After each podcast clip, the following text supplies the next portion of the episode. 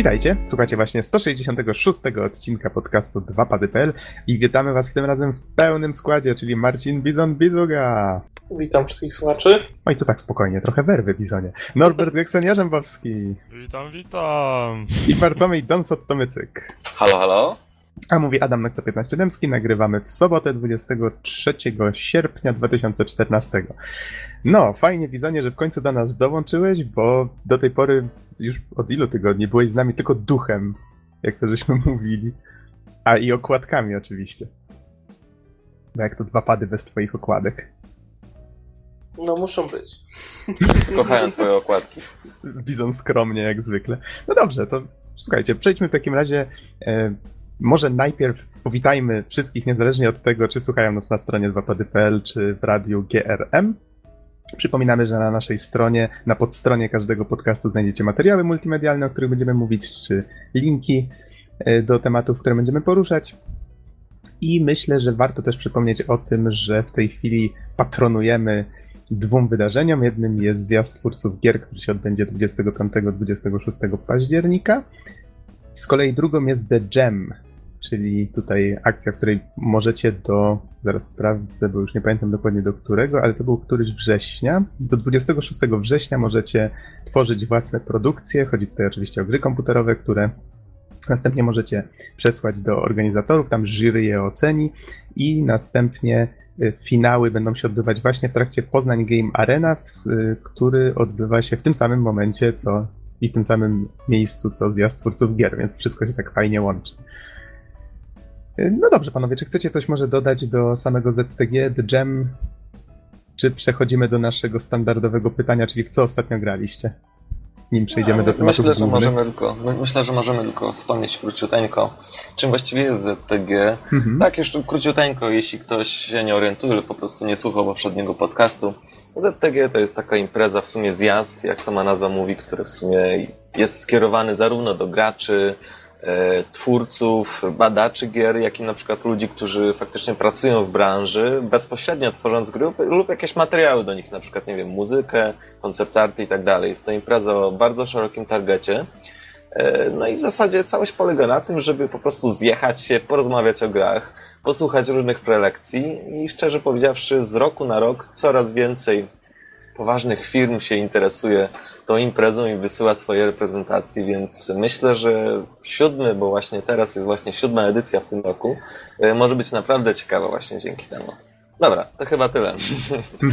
No po w sumie- wszystkie jakieś większe informacje możecie zajrzeć na ztg.pl. Jeszcze mogę przypomnieć, że my jako 2pady.pl na- zapewne będziemy na, e, na tym zjeździe i zapewne, jeśli się uda oczywiście, będą też od nas jakieś prelekcje. No i warto wspomnieć o tym, że impreza odbywa się przy PGA, więc jeżeli jedziecie na PGA, będzie wam się tam nudzić, no to po prostu przechodzicie do hali obok, czy tak jak było w poprzednim roku na piętro, no i już jesteście na ZTG, więc można posłuchać ciekawych wykładów w międzyczasie jako przerywnik odchodzenia po hali. Albo obrywania pudełkami po głowie. Tak Ja hard resetem dostałem. Oj, to musiało być twarde. No, reseta zaliczyłem. Badum, psz. E, Okej, panowie, nim przejdziemy do newsów i naszych tematów głównych, a dzisiaj mamy. No, trochę nam się nazbierało. Poprzednio żeśmy mówili właściwie tylko o newsach i o Gamescomie, o tym, czego żeśmy się tam dowiedzieli. Oczywiście też wspominaliśmy poprzednie edycje ZTG i o ZTG też żeśmy rozmawiali. Ale tym razem postanowiliśmy się skupić tylko na recenzjach i mamy aż cztery tym razem. Będziemy mówić o Deadlight, Crysis 3, Crimes on Dragon i Sleeping Dogs, a że jest tego całkiem, całkiem sporo, to powinniśmy się streszczać.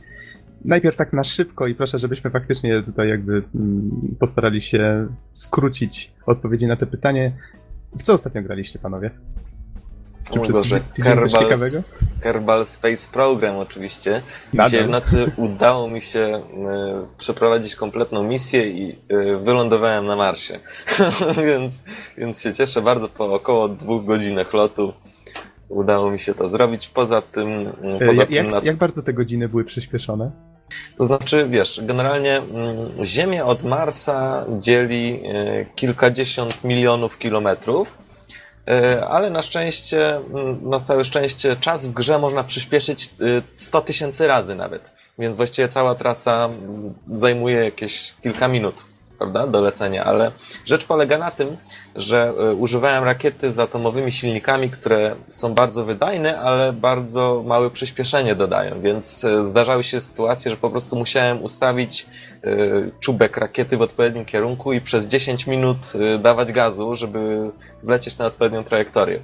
No więc w gruncie rzeczy cała misja zakończona lądowaniem trwała właśnie ponad dwie godziny, a to zaczęło się najpierw wszedłem na orbitę Ziemi, potem z orbity Ziemi wszedłem na orbitę yy, Marsa i potem z orbity Marsa yy, fu, na, na trajektorię Marsa okołosłoneczną, potem z tej trajektorii na orbitę Marsa i na tej orbicie z modułu centralnego odłączył się lądownik, Wylądował, postawiłem flagę Polski oczywiście na Marsie, bo można to było wyedytować. Ja sobie zrobiłem i nazwałem Duże pierwsze miejsce lądowania. Nie była to najbardziej skomplikowana pewnie praca graficzna w twoim życiu. E, nie, nie była. Paint. ale, ale akurat y, zedytowałem taką wersję, że jest zgodłem, więc, więc to nie, nie były tylko dwa paski. W każdym razie, mm, w każdym razie oprócz tego y, na tapecie wciąż w tle pozostaje Chivalry The Medieval Warfare i myślę, żeby w najbliższym czasie też zrecenzować. I poza tym postanowiłem wrócić do korzeni.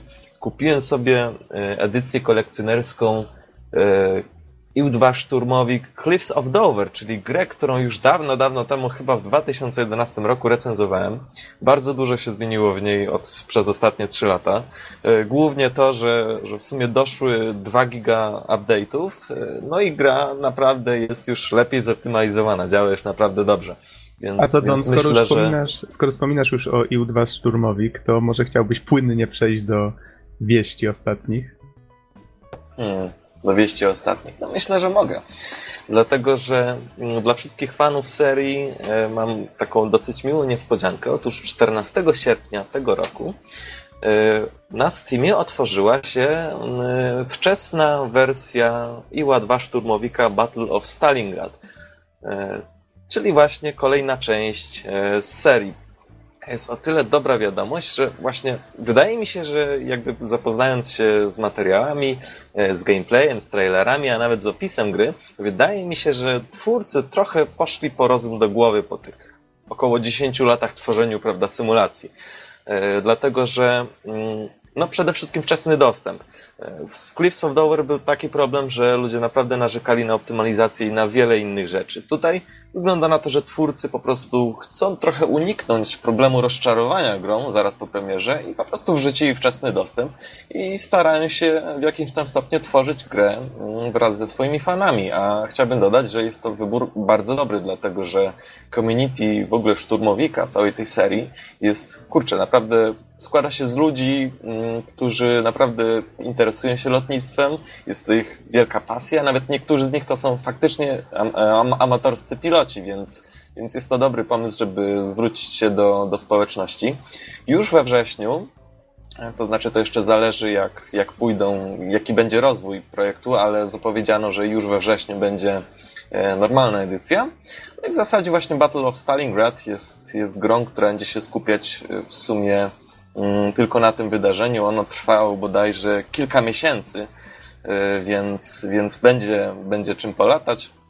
Oczywiście także z kampanią dla jednego gracza, y, z kampanią y, wieloosobową, więc będzie się działo.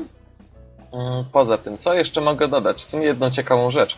Otóż widziałem już dwa trailery, które udostępniono i kurczę, faktycznie, mm, faktycznie twórcy poszli do, po rozum do głowy, dlatego że zwróćcie uwagę, e, mamy wiele różnych, nawet sławnych symulacji, jak na przykład Trains, Arma, e, czy tam jakaś jeszcze, czy Kerbal Space Program na przykład. I jeśli przyjrzymy się materiałom promocyjnym e, tych gier, a część z nich naprawdę jest wysokobudżetowa. Okaże się, że wszystkie te materiały promocyjne i trailery są po prostu nudne. Mój Boże, jeśli zobaczycie trailer do Cliffs of Dover, to ten trailer mówi do was, słuchaj, jestem specjalistycznym symulatorem. Jeśli się nie interesujesz tego typu rzeczami, to wyłączysz y, ten, ten trailer po pięciu sekundach, a już wyłączyłeś.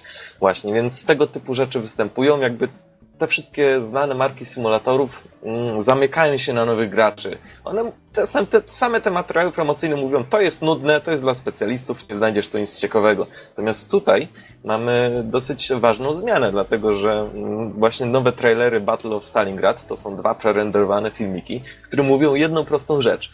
To, co zobaczysz w grze, będzie ekscytujące, gra jest ekscytująca i to jest szturmowi, czyli możesz też liczyć na to, że, e, że będzie to naprawdę świetny symulator i wierny.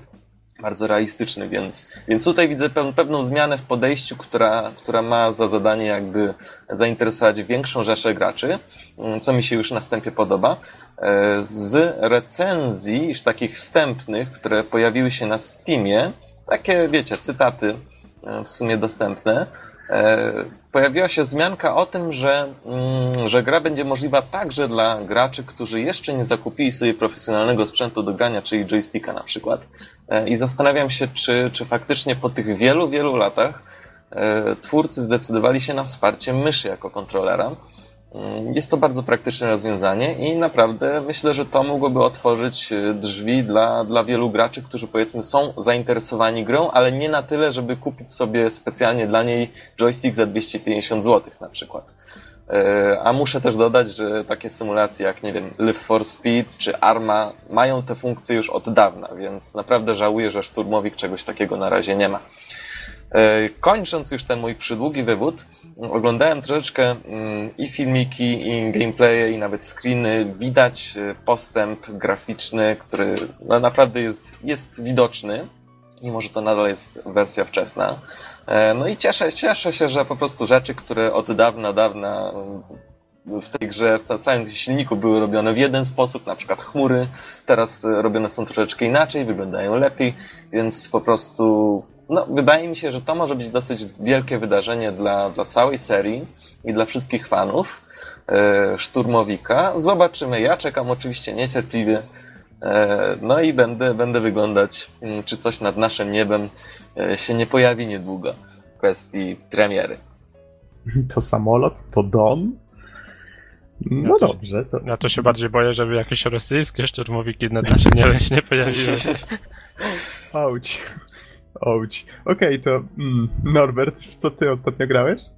E, to skończyłem Sleeping Dogsy, a poza tym Saints Row 4 skusiłem się w Empiku, cena bodajże w tym momencie 80 zł chyba, więc już taka całkiem przystępna. Mm, ze wszystkimi dodatkami edycji oczywiście, czyli ten Game of the Century Edition. Mhm, a na telefonie... Podoba mi się ta nazwa. No, świetne jest. Samo pudełko i gra też jest świetna. Mm, chodź do recenzji Będzie jeszcze, jeszcze, o, jeszcze długo, długo. Ja to lubię w takie gry grać i wszystkie znajdźki znajdować i całe miasto rozpukiwać i tak dalej. Nie no, jak jest gra stulecia, no to chyba wypada, nie? Tak, wie, wiecie, tak przypomnę, że w sumie w Saints Row 4 wszystkich misji pobocznych jest chyba ze trzy razy więcej niż w poprzedniej części, czyli trzeciej. O Jezus. Więc myślę, że Nox, y, Gax będziesz miał, będziesz miał dużo roboty, a niektóre z nich dostępne są tylko w trybie kooperacji. Całe szczęście, że ja też mam Saints Row 4. Jaj! No, dobra, i co dalej? A, no i na telefonie Hungry Shark Evolution. Taka gra, gdzie E, ona jest chyba za darmo w ogóle, tylko oczywiście są zakupy w sklepie. No i czasem trzeba przez to trochę pogrindować, ale w skrócie pływamy sobie rekinkiem i zjadamy inne stworzonka, żeby e, zbierać kasę i żeby rosnąć. No i też mamy jakieś tam misje na zasadzie, nie wiem, zjedz 20 ludzi i przeżyj przez 10 sekund. Znaczy, nie, nie, nie 10 sekund, tylko 10 minut. No i im dłużej żyjemy, tym szybciej jakby zużywamy tą naszą energię, tym więcej musimy jeść. Odblokowujemy coraz większe rekinki, dzięki czemu możemy zadać coraz większe stworzenia, których wcześniej nie byliśmy w stanie, inne rekiny i tak dalej, i tak dalej. No taki, taka typowa gra na komórkę, ale bardzo prosta i przyjemna. Mhm. No dobrze, w takim razie czas na Bizona. Bizonie, ciebie nie było tak długo, wymieniasz wszystko, w co grałeś od tamtej pory. O kurde, Masz karniaka. Dałeś, dałeś mi zadanie. E, powiem wam, że wyjątkowo troszkę czasu zajęło mi nowe Crazy Taxi na, na, na iPhone'ie. O dziwo. E, ja ostatnio jestem bardzo e, przeciwny graniu jakoś na telefonie, ale przypadkiem, ze względu na sentyment do tej serii, y, ta gra trafiła na mój telefon i powiem wam, że jest zrobiona naprawdę fajnie. E, niestety problem z nią jest taki, jak to z grami e, obecnej generacji, czyli mikropłatności, albo czekasz, aż auto się zatankuje, nie? To, to, to jest taka delikatna, denerwująca pierdółka w tym, ale generalnie tytuł dość fajny i co ważne za darmo. Więc jeżeli ktoś ma jakieś tam urządzenie z iOS-em, to można sobie sprawdzić. E, oprócz tego, w co ja grałem, no, e, na pewno w gry, które będę recenzował za chwilę, czyli Deadlight, a jeszcze wcześniej w Crimson Dragon. Mhm. Obydwie ukończyłem, a teraz ostatnio włączyłem Dishonored, który jest darmowy w tym miesiącu na Xboxie 360, ale skończyło się tylko na 5 minut tak grania na ten moment, więc to chyba wszystkie grzechy. Więcej grzechów nie pamiętam, okej. Okay. To ja w takim tak razie... Się... Mhm. Jeżeli mogę przerwać na chwilę, przypomniał mi się taki bardzo. obrazek, e, gdzie było narysowane Poké Center, no i e, taki podpis, gdyby Pokémony wyszły na telefony komórkowe i była ta pielęgniarka z Poké Center mówiła, musisz czekać 45 minut na wyleczenie twoich Pokémonów, albo zapłacić 10 Pokébucksów. No, tak, więc... widziałem to. Oh gosh. Tam było jeszcze kilka innych. Te, też na zasadzie czekasz albo płacisz. Brr. Straszna wizja. Y, to ode mnie szybko. Ja, ja no, w tym tygodniu właściwie mm, przyznaję się, odpaliłem Dark Souls 2 i to chyba był błąd. To, to był duży błąd. I to, i to byłoby chyba na tyle, co robiłem w tym tygodniu. No, no nie, to, to akurat. To, to akurat nieprawda, ale. Ale tak, jak już się coś we mnie obudziło, bo ja. Kiedy ja ostatnio tę grę włączałem? Tak, jak próbowałem sobie przypomnieć, w momencie jak napisałem jej recenzję po 64 godzinach, to. E, to to chyba było 3 miesiące temu, albo coś koło tego. Tak, miesiąc po premierze chyba napisałem. To, to, no, to już tak trochę czasu minęło, więc tam naprawdę niedużo mi zostało już tej gry. Jak teraz patrzę, właściwie teraz posiedziałem chyba z, z 3 godzinki i chyba zostały mi dwie lokacje tylko do zwiedzenia. A miesiąc temu wyszło jedno DLC, teraz jakoś, jakoś chyba wczoraj może nawet wyszło drugie DLC i i za miesiąc wychodzi trzecie. To jest w ogóle trochę chamskie, bo zapowiadano, że nie będzie żadnych DLC, no ale już. No ale już co? Co, co począć? Yy, a nie, jednak 26 jest yy, premiera DLC na PC Xboxa 360 i 27 na sierpnia na PS3. Nazywa się Crown of the Old Iron King. Trzech, trzech koron się szuka tych DLC. No dobra, to w takim razie to tyle ode mnie i w takim wypadku możemy przejść do trzech ostatnich newsów. I dwa z nich to właściwie są takie na szybko. W przyszłym tygodniu, a dokładnie z tego co widzę, to będzie 26 sierpnia, czyli ten sam dzień, e, co DLC do, do Dark Souls 2. Wychodzi już finał drugiego sezonu The Walking Dead. Z kolei już jakiś czas temu, to nie jest akurat nowy news, bo z 28 lipca y, zapowiedziano już trzeci sezon, jeżeli ktoś by się zastanawiał. A kiedy wychodzi ten ostatni odcinek? Ostatni odcinek 26 sierpnia na Steamie, tutaj cytując z newsa cdaction.pl, Dzień później odcinek trafi do Xbox Live europejskiego PlayStation Network. 28 sierpnia otrzymają go natomiast właściciele urządzeń z iOS. Koniec cytatu. O kurczę, ale będę miał grania.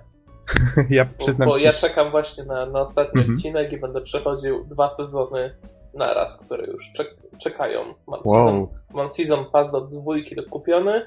Mhm. Do jedynki na promocji kupiłem sobie wszystkie odcinki też, więc wow, będzie grania. Ja w przedostatni odcinek e, drugiego sezonu akurat nie grałem, bo stwierdziłem, że przejdę sobie dwa pod rząd. Będzie pewnie bardziej emocjonująco. Mm, Okej, okay, czyli myślę, że przyszłym tygodniu na pewno będziemy coś o tym mówić. Y, I ostatni news to, to news wiedźminowy, czyli wracamy na nasze rodzime podwórko. Don, jakbyś mógł tak w kilku słowach wyjaśnić o co chodzi? W kilku słowach rzecz polega na tym, że Tomek Bagiński, znany polski animator i niedoszły niestety twórca filmu Hardcore 4.4, E, niedawno poinformował, że Zacz, że właśnie Platish Image, czyli jego firma, zajmie się stworzeniem filmu o Wiedźminie. Znaczy, Na razie to nie- Chyba nie jest jego firmą, on tam po prostu pracuje. Aha. Okej, sorry. W każdym razie mm, British Image e, właśnie zabierze się za, za film o Wiedźminie. Na teraz wiadomo, że produkcja, której właśnie reżyserem będzie sam Tomasz Babiński, nie będzie animacją, tylko filmem aktorskim, acz podejrzewam, że będzie to po prostu film aktorski, który będzie mocno wspomagany przez e, efekty CG, żeby osiągnąć e, taki, wiecie, dobry efekt. Na razie niestety niezbyt wiele wiadomo, ale myślę, że sama ta wiadomość jest dosyć elektryzująca. Zwłaszcza, że kwestii Wiedźmina nie mieliśmy dotąd e, w sumie żadnej dobrej ekranizacji. A właściwie tylko jedną marną. Plus jakiś serial, Jakżeś to o którym nikt nie pamięta. o którym nikt nie chce pamiętać. Niedawno na YouTube widziałem scenę ze smokiem z filmu, na którym byłem w kinie, jak, jak jeszcze chodziłem do jakiejś szkoły, już nie pamiętam, która to była wtedy, ale e, czy gimnazjum, czy, czy ch- chyba, a może podstawówkę, dawno temu, ale teraz jak zobaczyłem to na YouTubie, to, to, to auć, auć. Ja Auć, pamiętam, auć. któregoś razu próbowałem obejrzeć e, film właśnie. Chyba po 30 minutach powiedziałem sorry, nie będę tego oglądać. To znaczy, problem z dzisiejszym kinem jest taki, że tak naprawdę więcej jest tam efektów specjalnych niż gry aktorskiej często. I to A się lepiej właśnie, po prostu wiecie co? Tak, tak mi się przypomniało, skoro już mówimy o kinie, to tak można ma małą dygresyjkę zrobić. Otóż Potop wchodzi do kin w nowej wersji. Tak, ten sam Potop. Potop bodajże, kiedy on, w latach 80. był nakręcony? No jakoś tak. Dawno, dawno, no. E, to się nazywa Potop Revidivus e, bodajże i jest to po prostu ten sam film, tyle że odświeżony, z, no, trochę po, podkręcony, jeśli chodzi o efekty specjalne, Ma być e, też, jakość obrazu. Mhm. ma być też chyba e, inaczej zmontowany. Ma go ktoś Tak, od nowa właśnie. zupełnie montować. Wydaje Więc mi być się, może że tak, dlatego że oryginalny film, przypomnijmy, miał około 4 godzin. Więc y, no, tyle nikt, nikt by chyba nie wysiedział w kinie. No, ja obejrzałem cały w domu za jednym zamachem bez problemu, ale to ja lubię takie klimaty. Domyślam się, że dla przeciętnego zjadacza chleba byłoby to dzisiaj ciężkie.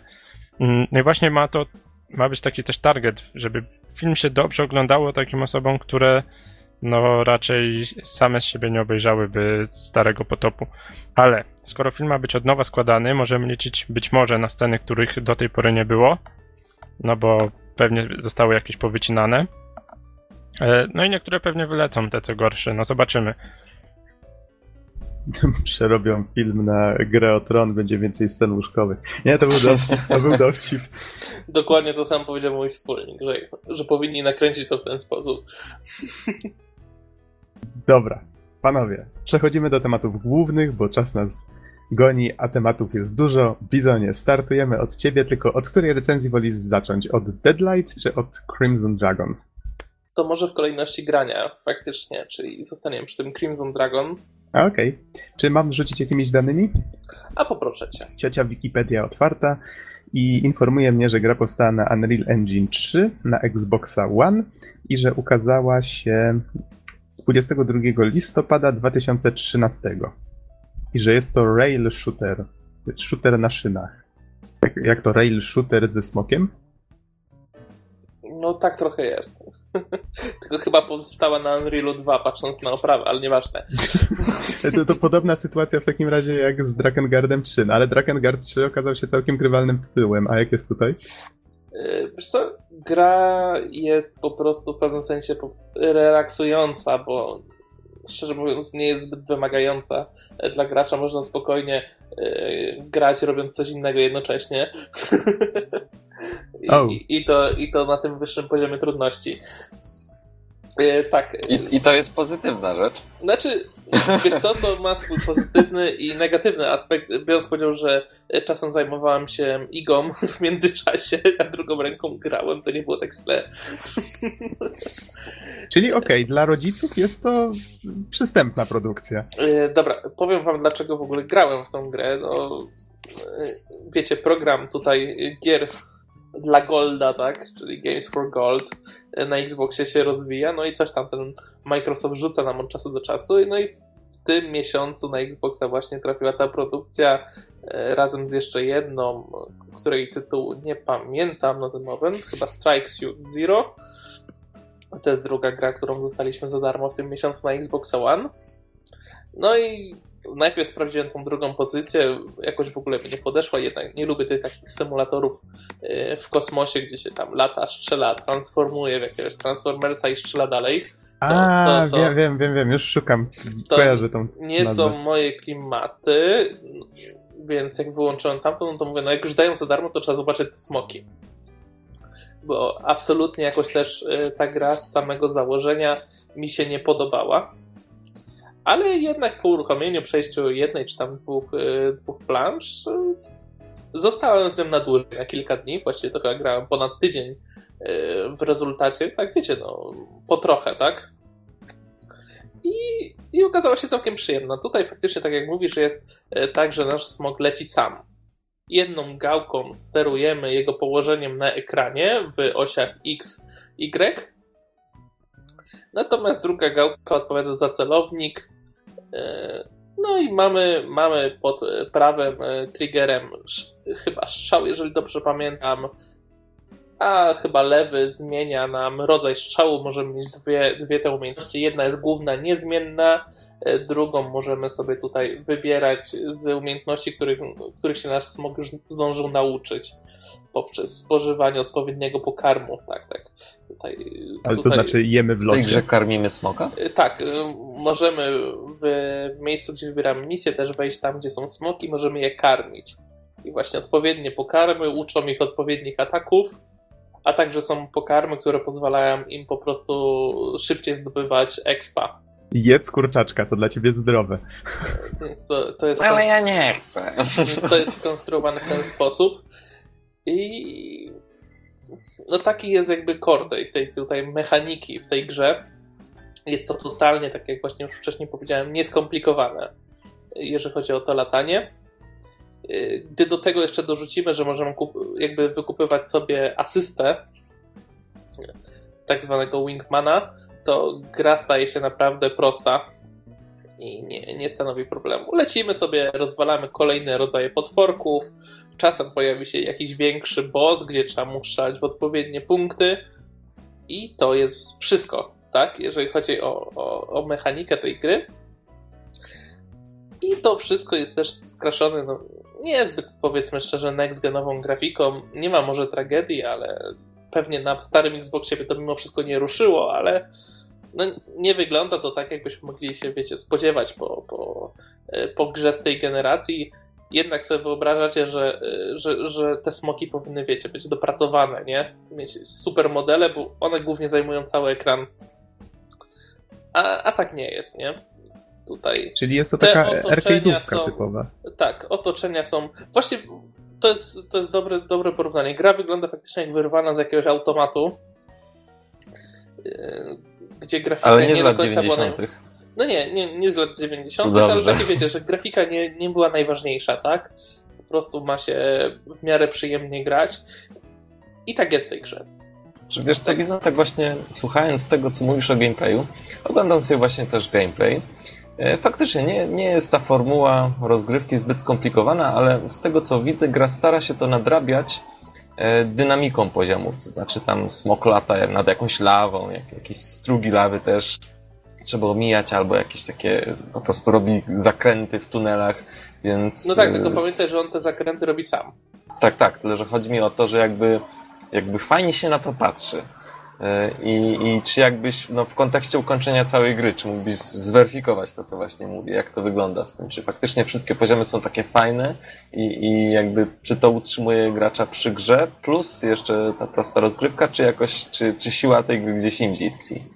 Znaczy, powiem Ci tak, że poziomy tak naprawdę pod względem konstrukcji są dość ubogie. Że Was nie skłamać, chyba mamy tylko sześć jakby krajobrazów, które występują w całej grze i, i, i te modele się powtarzają aż do bólu, tak? Które są używane w tle.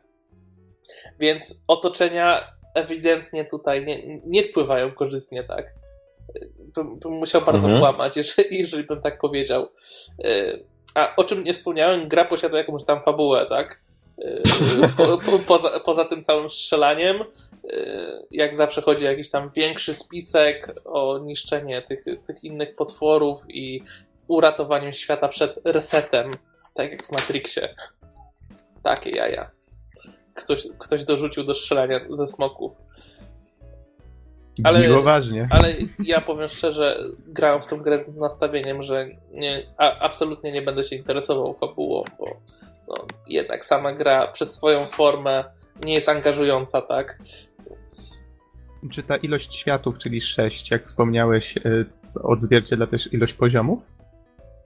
Y, w, w każdym z tych światów jest kilka poziomów, ta liczba nie jest jakby stała y, Trudno jest mi teraz y, odpowiedzieć, ile dokładnie jest poziomów. Y, Ale to jest tak, że każdy z nich trwa powiedzmy kilka minut, tak? I kończy się bossem. Tak.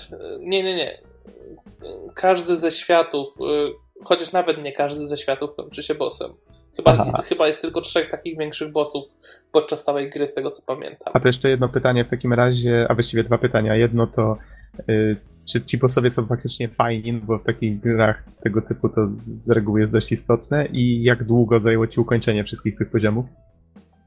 Czy bossowie, czy oni są fajni? Nie, są po prostu bardziej przerośnięci jacyś przeciwnicy. Yy, trudno jest powiedzieć, że tutaj jest wymagana jakaś faktycznie taktyka na nich, czy coś, co jest, co jest pewnym minusem, tak, bo po prostu masz podświetlone punkty, w które powinieneś ładować i koniec, tak? I one się najwyżej zmieniają. Nie ma czegoś takiego, że musisz strzelić najpierw tu, żeby mu się otworzyło coś tam i tak dalej, co, co by mogło troszkę to urozmaicić. Tutaj, yy, no tutaj tak właściwie nie ma, tak? Mhm. No Więc, trochę szkoda. No tak, no tak naprawdę duży minus, bo, bo te walki z bossami nie są tutaj emocjonujące. jeszcze jak korzystamy dodatkowo z, z tego wsparcia jakby tej drugiej osoby, tak, która jest komputerowa, możemy korzystać z takiego ataku łączonego, który jest bardzo silny, więc potyczki z niektórymi mniejszymi bossami, może nie tymi głównymi, bo czasem pojawiają się jakieś więcej przeciwniki, mogą nawet spać do dwóch sekund. Dwóch sekund. sekund. Nawet udało mi się pokonać niektórych przeciwników w 0 sekund, więc. Wait, what? No tak, wyprowadzenie ataku łączonego w odpowiednim momencie wiąże się właśnie z takimi czasami pokonywania niektórych przeciwników, więc... Okej. Okay. Tak, tak to wygląda. Ale mówimy o dużych przeciwnikach, czy o takich mówimy, zwykłych Mówimy o dużych przeciwnikach, którzy są jakby takimi półbossami, którzy mają swoje paski życia. Wyprowadzenie odpowiednio ataku po prostu ich zabija. A to rodzi kolejne pytanie, czy są poziomy trudności? Yy, tak, jak grałem na tym wyższym, który zwie się Classic. Okej. Okay. To chyba niezbyt dobrze. Jeszcze Choroba. tak, bo, bo gra posiada multi, multi i tam występuje coś takiego jak poziom Insane, ale osobiście nie udało mi się na nim chyba zagrać, bo jest straszny problem z, mimo tego, że gra jest darmowa, ze znalezieniem kogokolwiek do grania w to. Więc. Mhm. E, to w sumie trochę tak podsumowuje tak całość. Tak, to trochę podsumowuje całość. E, odpowiedziałeś na pytanie, ile właściwie grałeś w kampanię, czy przeoczyłem? Wiesz co, nie wiem, nie znam konkretnego czasu, bo z grom poza kampanią przesiedziałem sporo więcej, bo...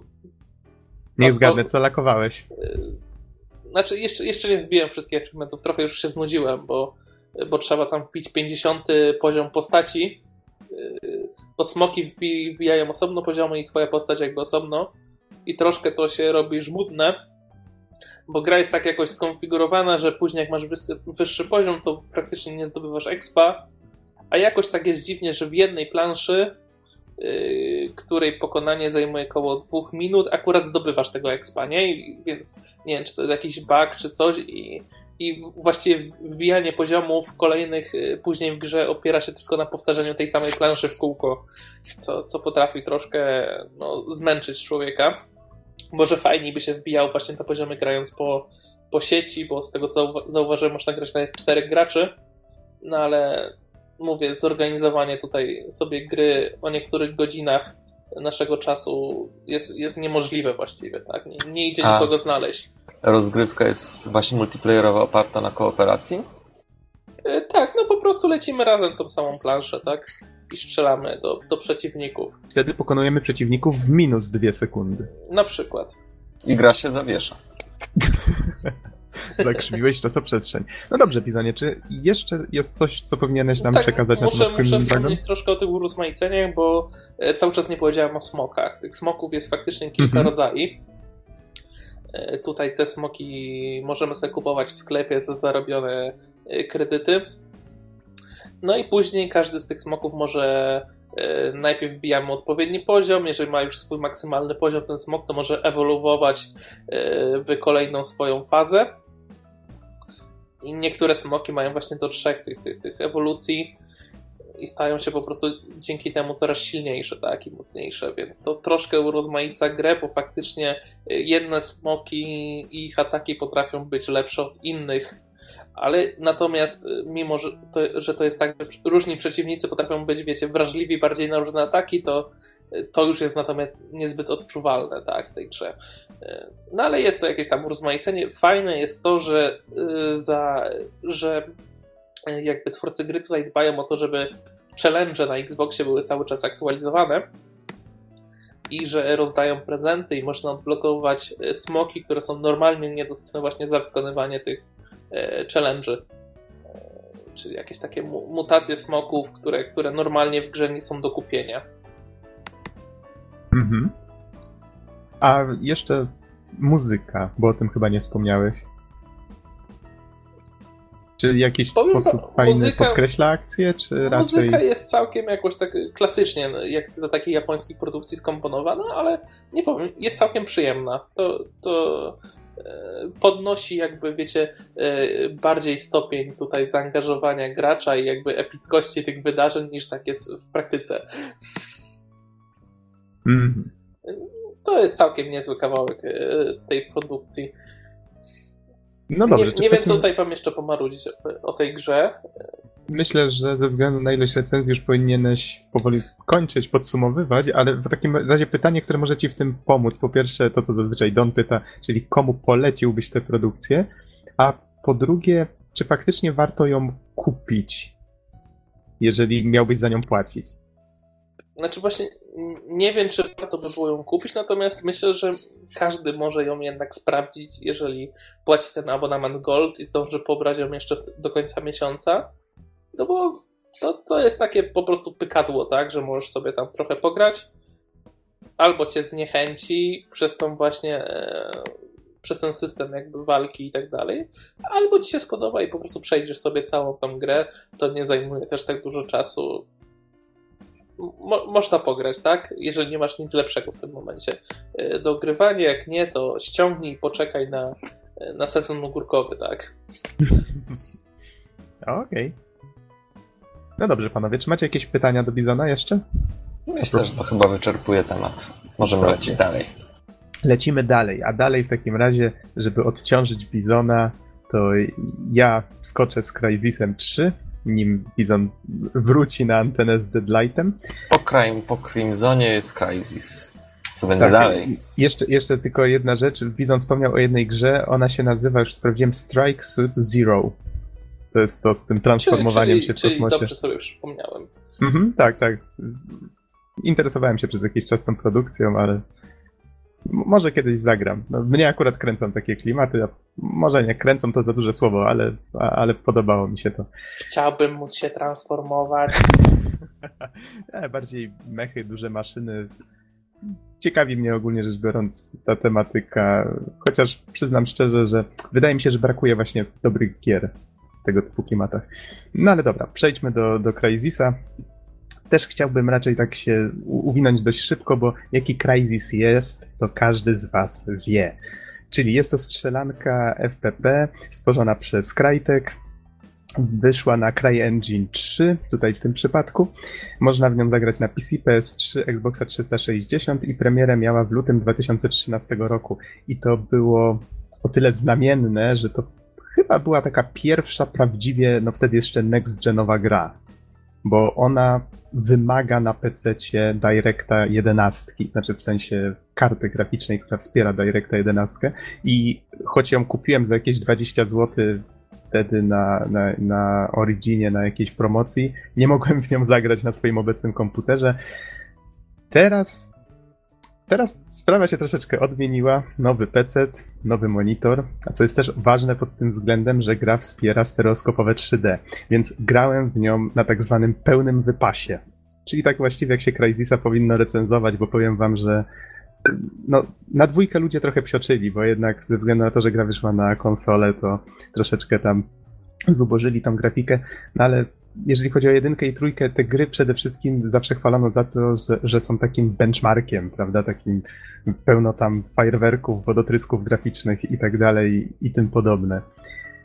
Więc to przede wszystkim gry, które mają ładnie wyglądać, ładnie brzmieć, no i to jest myślę w Crysisie 3 najważniejsze, bo jeżeli chodzi o fabułę, no mieliśmy w jedynce tą bezludną wyspę, na której przebudzili się obcy, mieliśmy tam Marines w tych nanokombinezonach, tak, które były tutaj jakby tą istotną częścią, czyli dawały im te nadludzkie możliwości, mogli szybciej biegać, wyżej skakać, e, używać super siły i robić się niewidzialni, czy utwardzać skórę w takim sensie, że coś rodzaju takiego pancerza, byli bardziej wytrzymali na, na kule, ciosy i tak dalej. I w dwójce akcja przeniosła się do Nowego Jorku, znowu pojawili się ci sami obcy, którzy z tego co pamiętam nazywali się Cepidzi, tutaj w polskiej wersji. Nie pamiętam jak w angielskiej ich określano dokładnie. I no, tutaj, żeby nie spoilować za mocno, yy, miasto zostało o, przynajmniej w dużej części zniszczone w trakcie, yy, w trakcie gry. I co ciekawe, w trójce głównym bohaterem jest prorok. To Norbert, na pewno proroka pamiętasz z jedynki jeszcze. No i chyba w dodatku też odgrywał główną rolę. E, w dodatku nie, w dodatku był Psycho. To jest Psycho właściwie. Ach, racja, racja. Psychol. E, no, tam oni mieli różne takie ksywki właśnie w tym zespole, który w jedynce był na tej wyspie. W trójce wraca właśnie prorok i to jest o tyle dziwne, że już na początku dwójki, gdzie gramy zupełnie jakimś innym żołnierzem, prorok no, tutaj miało nie być spoilerów, to jest taki leciutki spoiler, bo tak jak mówię, to jest początek gry w dwójce. Prorok popełnia samobójstwo, żeby móc y, skafander nałożyć na tego, znaczy uaktywnić skafander, który założył na tego drugiego gościa, czy coś takiego, na jakiś kompletny bullshit, no nieważne. Chodzi o to, że umiera, po prostu, strzela sobie w łeb i nagle w trójce jest głównym bohaterem. Ale jak do tego doszło, to pozostawiam już wam, zagrajcie sobie w poprzednie części. Fabuła nie jest niestety mocną częścią ani poprzednich y, odsłon Crysisa, ani, ani trójki.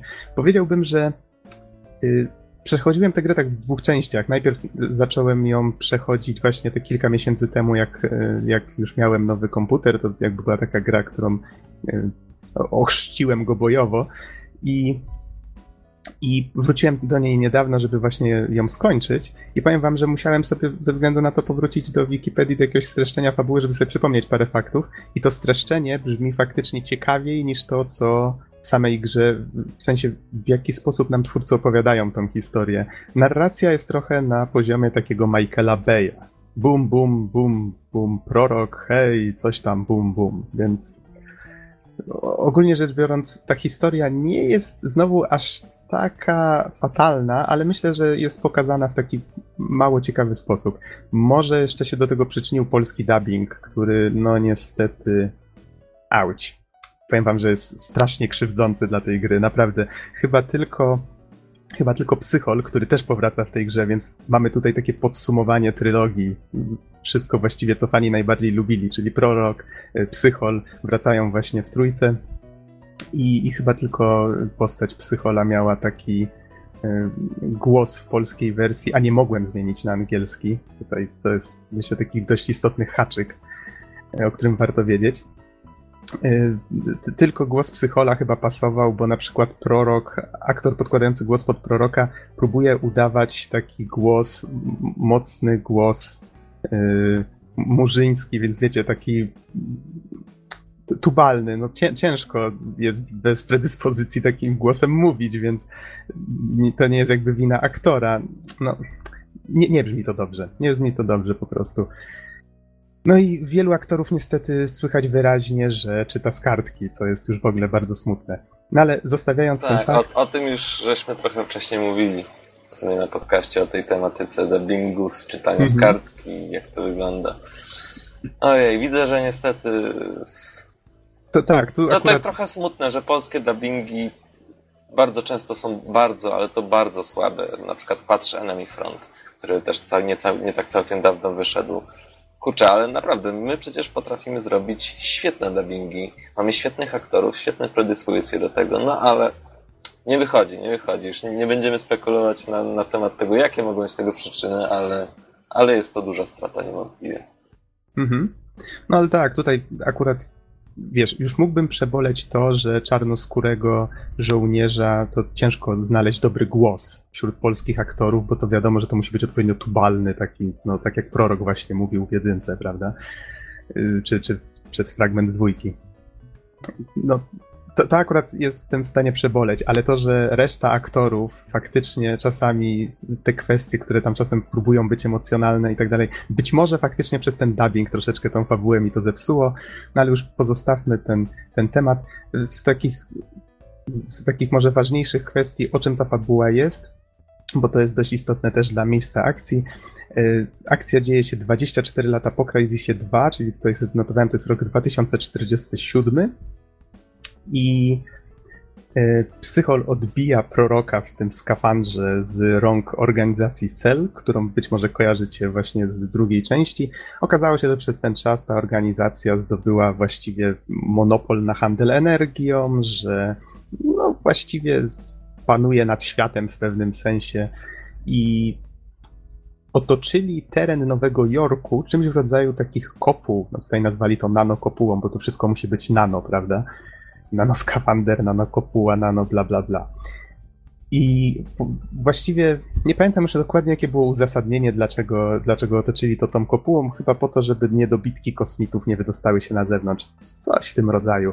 Ale oczywiście prawdziwy powód jest zupełnie inny. Mamy tutaj ruch oporów, y, którym walczy innymi Psychol i, i który stara się właśnie to Cell w jakiś sposób tam tam dokuczać tej organizacji i oni działają pod tą kopułą, będziemy musieli się tam dostać, tam działać i już te, ca, cały ten fa- fabularny żargon wydał mi się dużo ciekawszy, jak czytałem właśnie na wiki, bo się okazało, że wyszły jakieś dwie książki opisujące fabułę między dwójką i trójką i to jakby zaczęło mieć trochę więcej sensu, jak przeczytałem to streszczenie, no, ale już pomijam ten fakt. Liczy się to, że są fajne fajerwerki graficzne, i to, że pod tą kopułą Nowy Jork zamienił się w coś w rodzaju takiej miejskiej dżungli, czyli połączono jedynkę z dwójką, tak jak narzekano, że w dwójce były tylko ciasne przestrzenie między budynkami, tak samo teraz już mamy y, coś w rodzaju takiego zupełnie zrujnowanego miasta, trochę jak po apokalipsie, tylko że gdzie natura już zaczęła odzyskiwać te tereny, czyli mamy... Czyli miejska dżungla, ale tak zupełnie dosłownie. Tak, zupełnie dosłownie, zgadza się. I w to są pakowani jeszcze kosmici w tych swoich własnych e, skafandrach, czyli to nie są ci z jedynki, znaczy to są ci z jedynki, te takie galaretki fruwające, coś w tym rodzaju. Tylko, że tym razem mają takie skafandry, gdzie sobie kroczą, łażą, mamy różne tutaj rodzaje tych obcych. Czyli tacy na przykład ciężko zbrojni, wyglądający jak takie chodzące czołgi, albo, e, albo są też tacy szybcy jak ninja, którzy są takie pojedynki w wysokiej trawie, e, gdzie nie możemy ich namierzyć e, ra- radarem, czy właśnie tymi, tymi swoimi binokularami, skanerem, czy jak to nazwać, który pozwala nam zaznaczać przeciwników, bo właściwie tutaj większość potyczek nadal jest taka sama jak w dwójce, czyli najpierw stajemy gdzieś w jakimś miejscu, gdzie wszystko dobrze widać, namierzamy skanerem otoczenie, gdzie są przeciwnicy, zaznaczamy ich sobie i potem te strzałeczki nad ich głowami już towarzyszą nam przez cały czas, więc wiemy mniej więcej, kto się skąd zbliża. No i tutaj są też tacy przeciwnicy, których nie możemy tak namierzyć, czyli właśnie nie, niektórzy cepidzi. I dodano na przykład takich cepidów, którzy coś w rodzaju takich chodzących, nie wiem jak to nazwać, s- skarabeusz to złe słowo, no ale coś w rodzaju właśnie takiego mm, takiego kroczącego na kilku nóżkach czegoś, co ma... Żuczka. Żucz, o, żuczka, to jest ładne określenie. Taki żuczek z miotaczem ognia. I A, no właśnie, tak, taki żuczek z miotaczem ognia. Dokładnie. I jakby wszystko kręci się wokół tego, że prorok, mając te, te swoje wizje, wizje, migawki z przyszłości i tak dalej, no w końcu po coś nazywają go prorokiem, prawda? E, Twierdzi, że gdzieś nadal żyje tutaj w okolicy Cepid Alpha, którego musi odnaleźć i go zabić, inaczej cała ludzka rasa przestanie istnieć, bla, bla, bla. O Jezus. Ale, Tak. ale przecież oni w jedynce byli zwykłymi żołnierzami, takimi wiecie. Dokładnie. normalnymi.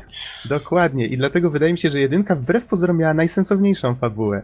W trójce już wszystko jest takie och i ach, ale, ale prorok, szukaliśmy Cefida Alfa przez tyle lat. On tam nie istnieje. I oczywiście potem się okazuje, że się obcy przebudzili w tym Nowym Jorku, zaczyna się rozpierducha, walczy ze sobą Cell, walczą ze sobą kosmici. Cefid Alfa oczywiście też tam jest.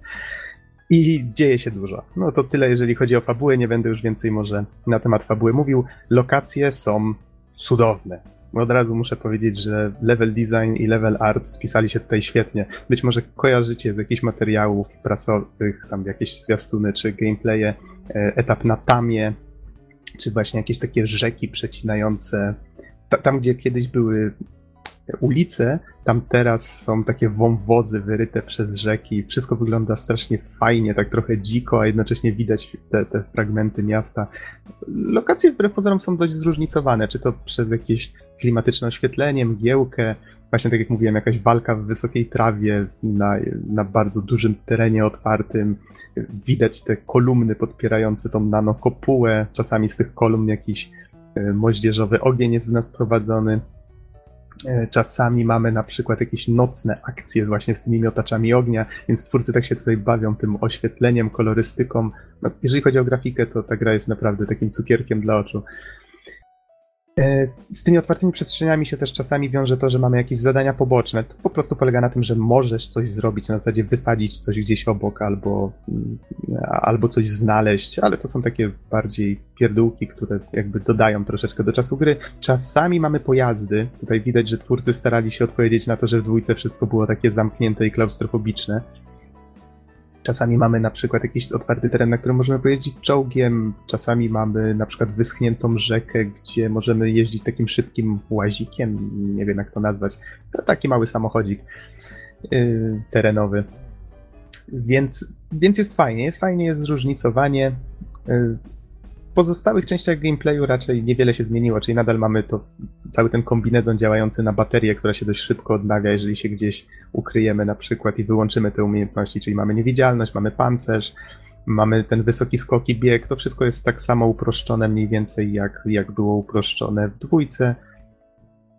Yy, Co tam jeszcze było? Możemy na przykład odczepiać, doczepiać części do broni, którą znajdziemy. Namierzamy tych przeciwników, mamy podczerwień, czyli tak zwaną nanowizję, bo oczywiście wszystko musi mieć nano. Mamy materiały wybuchowe, czyli granaty, wyrzutnie pocisków, jakieś przyklejane C4. Chyba najważniejsze, jeżeli chodzi o bronię, to to, że dodano łuk. To jest coś, co widać nawet na okładce do gry.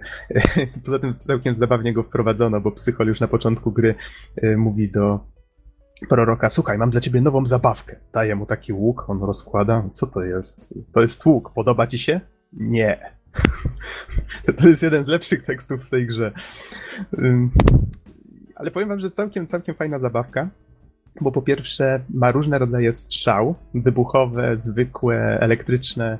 I z tego co ja zauważyłem, chyba gracz nie, traci niewidzialności, kiedy odda strzał. Dokładnie, bardzo, bardzo dobre spostrzeżenie. I jeszcze jest fajna rzecz jedna, czyli możesz się czuć jak predator, prawdziwy drapieżnik, prawda? Chowasz się gdzieś tam po okolicy i strzelasz do wszystkich z łuku. Y, I jeszcze jedna ważna rzecz, możesz odzyskać strzały. Czyli jeżeli kogoś postrzelisz taką strzałą, to jeżeli podejdziesz do niego, to możesz zabrać tą strzałę z powrotem. Te Wiesz, a strzały- propos Predatora, to ja raczej pomyślałem sobie, że można się poczuć raczej jako y, Arnold Schwarzenegger, który poluje na Predatora z filmu Predator. No tak, ale możesz się robić niewidzialny, więc jesteś jak Arnold Schwarzenegger skrzyżowany z Predatorem. No, How wow. awesome is that? How awesome is that?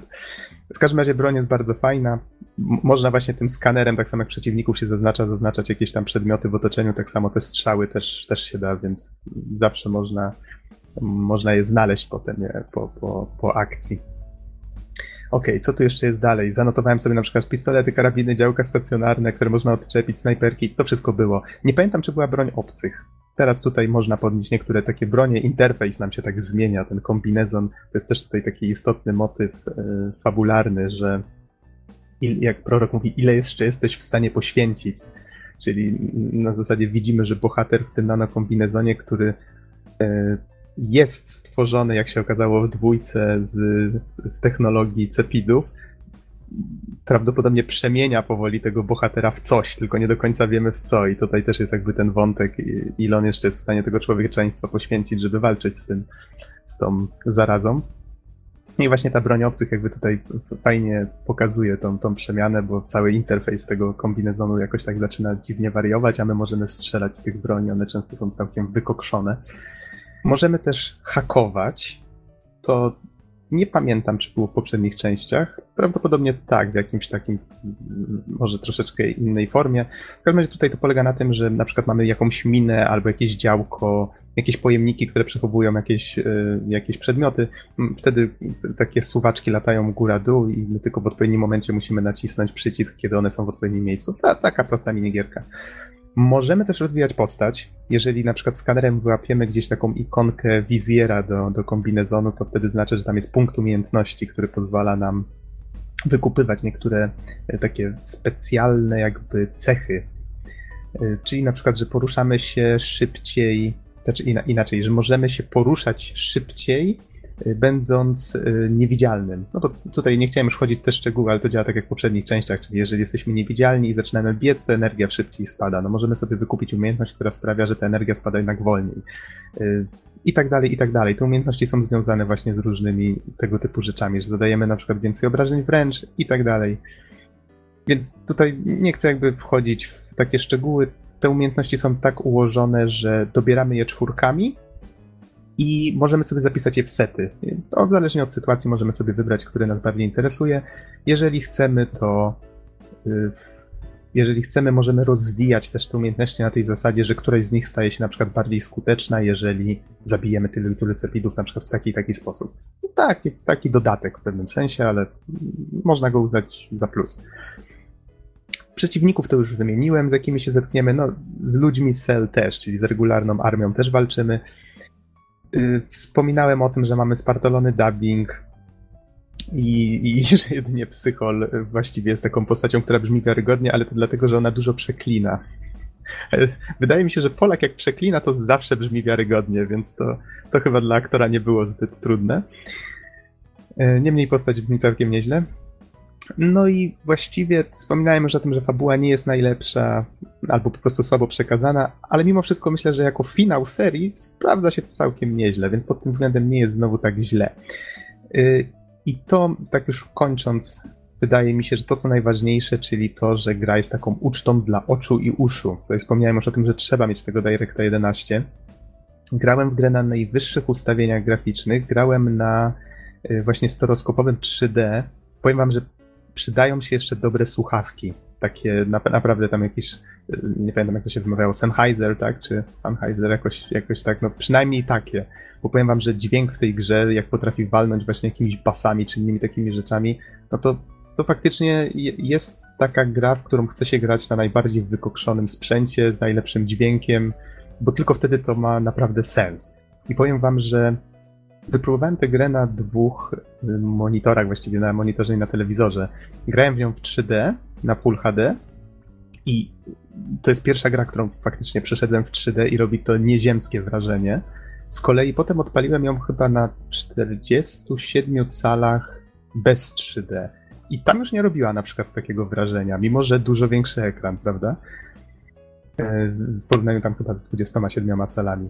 Więc no cóż, polecam grać w 3D. Mnie się naprawdę podobało i powiem wam, że wow, wow, ja, ja jestem akurat zwolennikiem 3D, mnie ta technologia się bardzo podoba i w tym wypadku robi nieziemskie wrażenie.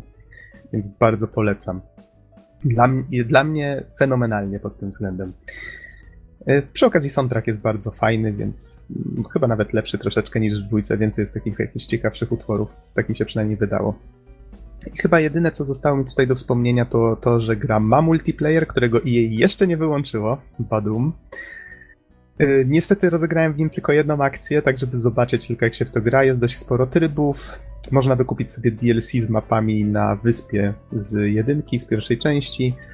No i chyba jedyne, co mogę powiedzieć po tej jednej akcji, to, że jest bardzo dynamicznie. Czyli właściwie można się było tego spodziewać. Wszyscy latają w tych kombinezonach, wszyscy mają te same umiejętności. Gra się właściwie tak jak w singlu, tylko że oczywiście możemy rozwijać tą postać, e, jakieś nowe bronie odblokowywać i i tak dalej, i tak dalej, ale rozgrywka jest bardzo dynamiczna, fajna i, i po tej jednej rozgrywce miałem ochotę kontynuować, tylko nie za bardzo miałem, miałem już na to czas. Więc wydaje mi się, że jest dużo trybów, więc jak ktoś by się w to wciągnął, to na pewno miałby co grać. I to właściwie Jeszcze tyle. jakbyś, jeszcze jakbyś powiedział, ile czasu ci zajęło ukończenie tej gry? A, to jest podchwytliwe pytanie. Wiesz co, spróbuję się zalogować na Origin. Nie wiem, czy on pamięta takie rzeczy, ale wydaje mi się. Chociaż nie, ja może chyba sprawdzałem w statystykach. Z tego co pamiętam, grałem w tą grę tak z 13 godzin według Origina. Zaraz się przekonam, bo się właśnie włącza. Z kolei gra mi pokazała 14 godzin, tak. Y, Gra mi pokazała z kolei w swoich wewnętrznych statystykach, że ukończyłem ją po 8 godzinach coś. Przy czym grałem na najwyższym poziomie trudności, który się nazywa Posthuman. Mm, I tak jak zresztą w przypadku dwójki, w którym właściwie jesteśmy na kilka hitów, więc trzeba grać strasznie ostrożnie. Ale wy- wydaje mi się, że przy tym strasznie fajna zabawa, no ale jednak jak Rambo się nie pogra. Yy, Więc te 5, tam więcej godzin yy, poświęciłem prawdopodobnie na jakieś takie nieudane akcje, co to, co to faktycznie musiałem powtarzać po kilka razy. Więc jeżeli wierzyć temu licznikowi, to da się ją ukończyć w 8 godzin, jeżeli się tak leci przed siebie na niższym poziomie trudności, a tak z 14, no może odjąć ten multiplayer, tak z 13, jeżeli się gra na, na wyższym. Zależy jak kto komu idzie. Czyli myślę, że tak standardowo. Nie jest, nie jest to jakoś szczególnie dużo, nie jest to jakoś szczególnie mało. No dobrze, panowie, czy macie jeszcze jakieś pytania? Wydaje mi się, że że chyba nie ma się co jakieś większe detale, jeżeli chodzi o Crysisa y, tutaj wciągać. Tak jak mówię, gra jest dla fanów pozycją obowiązkową, dla kogoś, kto chce wypróbować swój, swój sprzęt, to myślę, że też jak najbardziej gra wygląda naprawdę cudnie. Zwłaszcza z 3D. Tutaj jak ktoś chce grać stereoskopii, to, to jak najbardziej polecam. No dobrze, jeżeli nie ma żadnych pytań, myślę, że możemy przeskakiwać dalej. Tak? Oczywiście. Dobrze. W takim bądź razie lecimy dalej, bo jeszcze dwie recenzje. Bizonie. Deadlight. Tak? Jesteś? Już ja. Bizonie? Tak, tak, już, już, już, już skończyłem, przepraszam. Y, tak, Nie, czy mam myśl- sypnąć Myślałem, ślady? że jeszcze Norbert coś tam będzie męczył. Tak, Norbert, Norbert będzie męczył, dlatego mam nadzieję, że jeszcze zdążymy. Dlatego Bizonie tutaj na szybko powiem. Deadlight to jest gra znowu na, na Unreal Engine 3. E, Xbox 360, na Xbox Live Arcade, na PC też wyszła na Steamie i widzę, że swoją premierę miała w sierpniu 2012. No i No. dziś widziałem, że 22 października. E, 25 października na PC, tak, zgadza się, ale to był dobra. 2012. E, Tak czy siak pewnie najważniejsze jest to, jak ta gra do mnie trafiła po raz kolejny. E, To jest już jakaś właśnie też starość właśnie z e, programu e, Games with Gold. Ta gra ma raptem dwa lata, jak można ją nazywać starociem, on. Znaczy w sensie, że ona już tam była kilka ładnych miesięcy temu, gdzieś tam odleżała u mnie, tak, na konsoli. I, i całkiem tam przypadkiem, jakby nie patrzeć, y, wylosowałem ją do zagrania, można tak powiedzieć. Bo, bo taka prawda, tak sobie wiecie, przesuwałem padem po interfejsie konsoli, nie wiedziałem w co mam zagrać i, i w rezultacie wybrałem po prostu tą pozycję i się przyjęłem. Bizon ma koło fortuny, takie, którym No kręci, jak nie ma co grać. 100, 100 gier, nie? W interfejsie na konsoli, więc je- jest co przerzucać. I się bardzo przyjemnie zaskoczyłem, bo, bo gra okazała się naprawdę fajną pozycją yy, w takim stylu, jaki bardzo lubię. Jest to bardzo fajnie zaprojektowany platformer z elementami akcji, Troszkę bym tutaj rozgrywkę porównał na przykład do ostatniej y, gry Ubisoftu. O Boże. Nie, nie pamiętasz, Tu wchodzi tytuł. y, mm, czy mówisz o tej, co, co recenzowałeś? Valiant Hearts. Tak? A, a Tak. to, to, tu- tutaj powiedziałeś Microsoftu chyba, to mnie zmyliło, Ubisoftu, tak? Ubisoftu, powiedziałem Mhm. Ubisoftu, więc tu rozgrywka jest podobna, chodzimy postacią, gdzieś tam się e, czasem wspinamy, przeskakujemy. Tyle, że tutaj jest troszkę właśnie więcej akcji, możemy czasem strzelać, walczymy z przeciwnikami. Wiesz co, Bizon, mi to trochę przypomina Limbo, ale bardziej stylistyką. Limbo, Limbo też przypomina, to jest też druga gra, do której bym tutaj na, nawiązał jak, jak najbardziej. E, ty mówisz, że stylistyką. Tak, e, zastosowano pewien bardzo fajny artystyczny zabieg. E, nawiązanie do Limbo jest tutaj spoko, bo faktycznie jest dużo tego czarnego koloru, tyle że w tej grze czarny kolor występuje tylko na pierwszym planie, czyli de facto w tym planie, w którym toczy się gra. Tam właściwie wszystko jest przepalone na kolor czarny, Reszta dopiero tła jest kolorowa. Jest to fajny zabieg artystyczny, wygląda naprawdę fajnie ta, ta pozycja dzięki temu. Eee, I no, nadaje klimatu całej tej grze. Z tego co widzę, tutaj może takie porównanie z Limbo, bo Limbo się kojarzy właśnie z jakimś takim. Ciężko to opisać nawet światem fantazy, no ale takim czymś kreskówkowym. Z kolei tutaj widzę, że to jest taka gra celująca bardziej w nasze współczesne realia, tylko takie trochę postapokaliptyczne. To może nakreśl troszeczkę ten setting, czyli o, o, co właściwie chodzi, dlaczego tutaj mamy jakieś zrujnowane budynki i zombie, coś, coś w tym rodzaju? E, tak. E, gra zgodnie z moimi przewidywaniami po tytule i, i takim skojarzeniem z nadchodzącym Dying Light zawiera w sobie zombie. Powinna być taka nalepka, zawiera zombie. To, to chyba... To, to, chyba nie jest w ogóle jedyny tytuł podobny. Wczoraj żeśmy z Donem dyskutowali, jest Deadlight, czyli to, co teraz recenzujesz, jest Dying Light, czyli nadchodząca gra Techlandu i jest jeszcze yy, jeszcze coś podobnego, ten horror... Z modu modularny właśnie. Z latarką, tak.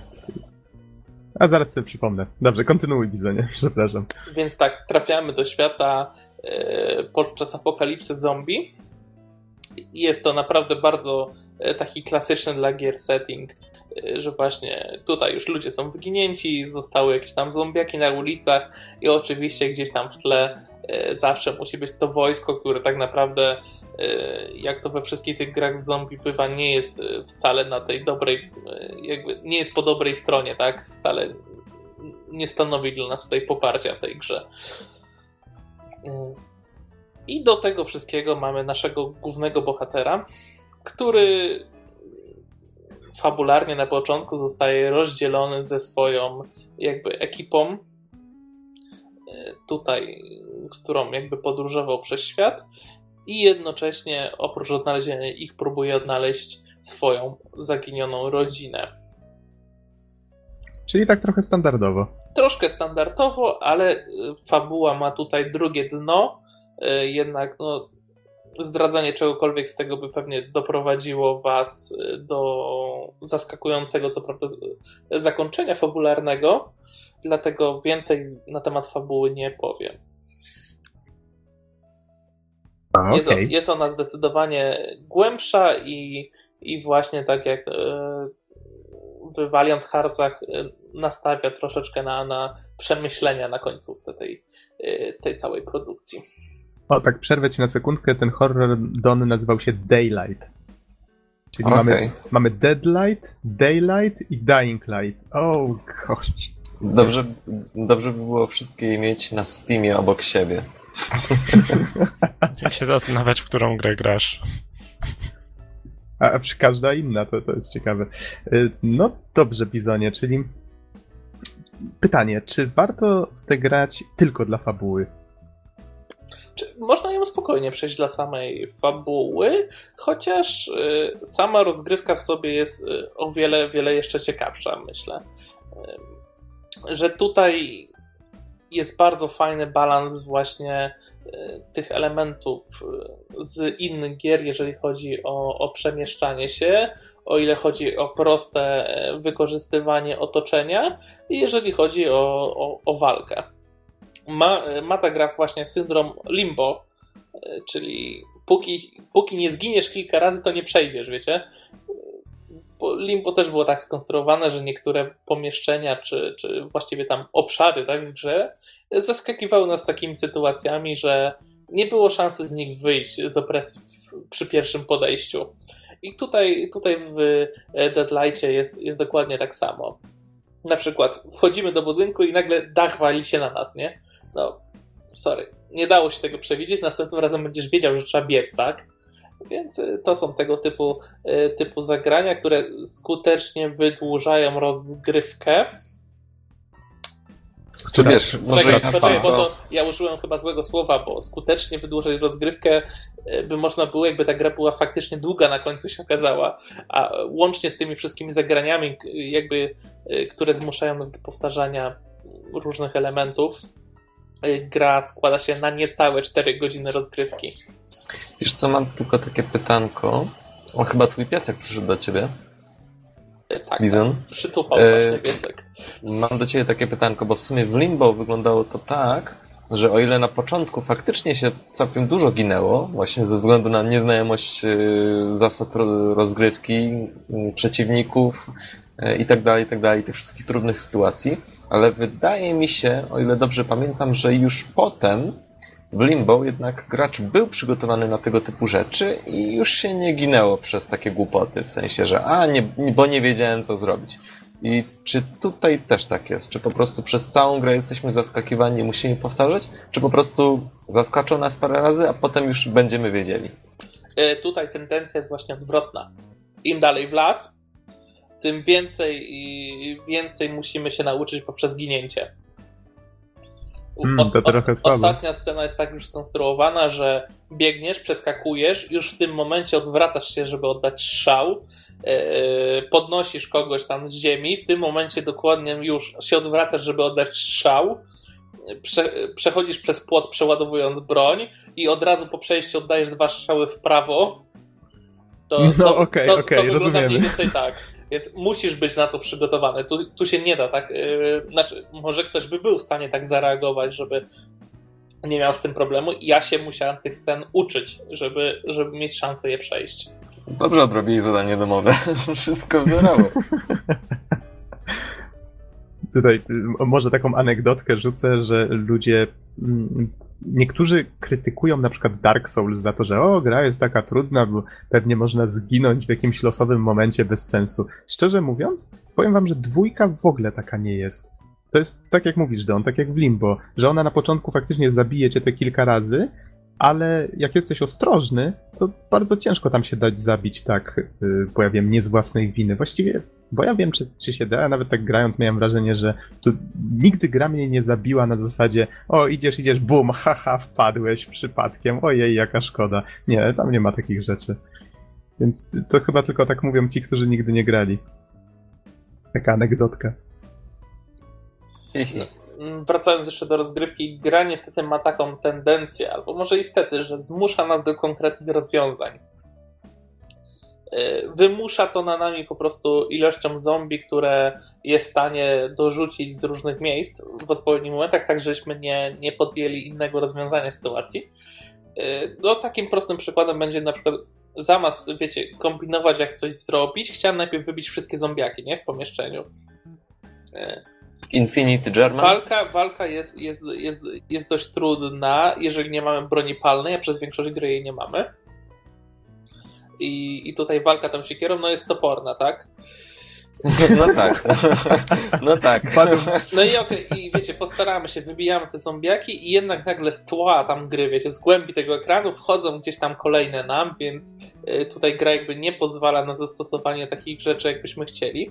A Ja niektóre, niektóre, te, powiedzieć, niektóre te fragmenty faktycznie mogłyby być łatwiejsze, albo dałoby się je przejść trochę inaczej, gdyby właśnie wybić te zombiaki, nie? Jednak biorąc pod uwagę, że samo wybijanie zombiaków jest trudne, to jednak autorzy by mogli pozwolić na to nam, tak? Że jak już nam się uda ich pokonać, to że mamy, wiecie, chwilę spokoju, ale nie jest tak. Wiesz, wiecie co, tylko tak wspomniałem właśnie o tym Infinite German Effect, e, dlatego że to, to się wzięło za Prazing 44, nie wiem czy pamiętacie. Tam w pewnym momencie opowiadałem, mm, że po prostu w nieskończoność wyskakiwali Niemcy i tylko dlatego nie można było ukończyć poziomu fabularnie. Więc, więc tutaj chyba tak, Infinite German Zombies. Nazi Zombies. German. Ładne określenie. Mm, Dobrze, Dobra, Bizonie, e, to... powiem tak, gra sama w sobie jest podzielona na trzy chaptery, Mhm. z czego ten ostatni jest zdecydowanie najkrótszy, a drugi zdecydowanie najdłuższy. y, w każdym z chapterów odnajdziemy jedną z postaci jakby y, tych fabularnych, tak? To, to tak wygląda, tak jest to podzielone. Y, grę troszkę urozmaicałem jakieś znajdźki, a dodatkowo na każdym z poziomów można znaleźć taką oldschoolową grę typu typu, wiecie, tych takich ruskich gierek, co kiedyś były. Um, No, takie, To że jajka jakieś tam się łapie, coś. z tymi takimi czarno-białymi ekranikami. Znaczy, tak Mhm. właściwie ten, więc to są takie najfajniejsze znajdźki, bo te gry są w pełni funkcjonalne i można sobie w nie pograć, e, powbijać nawet tam odpowiedni score, żeby odblokować dodatkowe achievementy. Tak, taki przy... Zrobiłeś to, prawda? Oczywiście. Taki, taki przy, przyjemny dodatek do, do, do całości.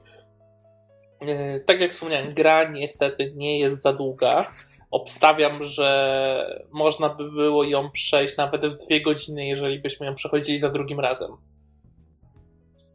Więc to jest nawet bym powiedział, że bardzo krótki czas. Tak? a powiedz mi, bo z Limbo było bardzo podobnie. Czy jest tutaj achievement za to, że przejdziesz ją bez śmierci? Nie, nie, nie ma takiego achievementu. O, bo w Limbo był. Od razu byś zobaczył, że gra jest achievement dłuższa. Najgorszy achievement ever. oj tam, oj tam. Ja chyba wbiłem wszystkie inne poza tym. Znaczy tam w Limbo było, żeby zginąć mniej niż 5 razy. Taki był achievement. A, faktycznie, faktycznie. jak już mam być tacy, tacy dokładni. Yy, powiedzcie, czy macie jakieś dodatkowe pytania na temat tej produkcji?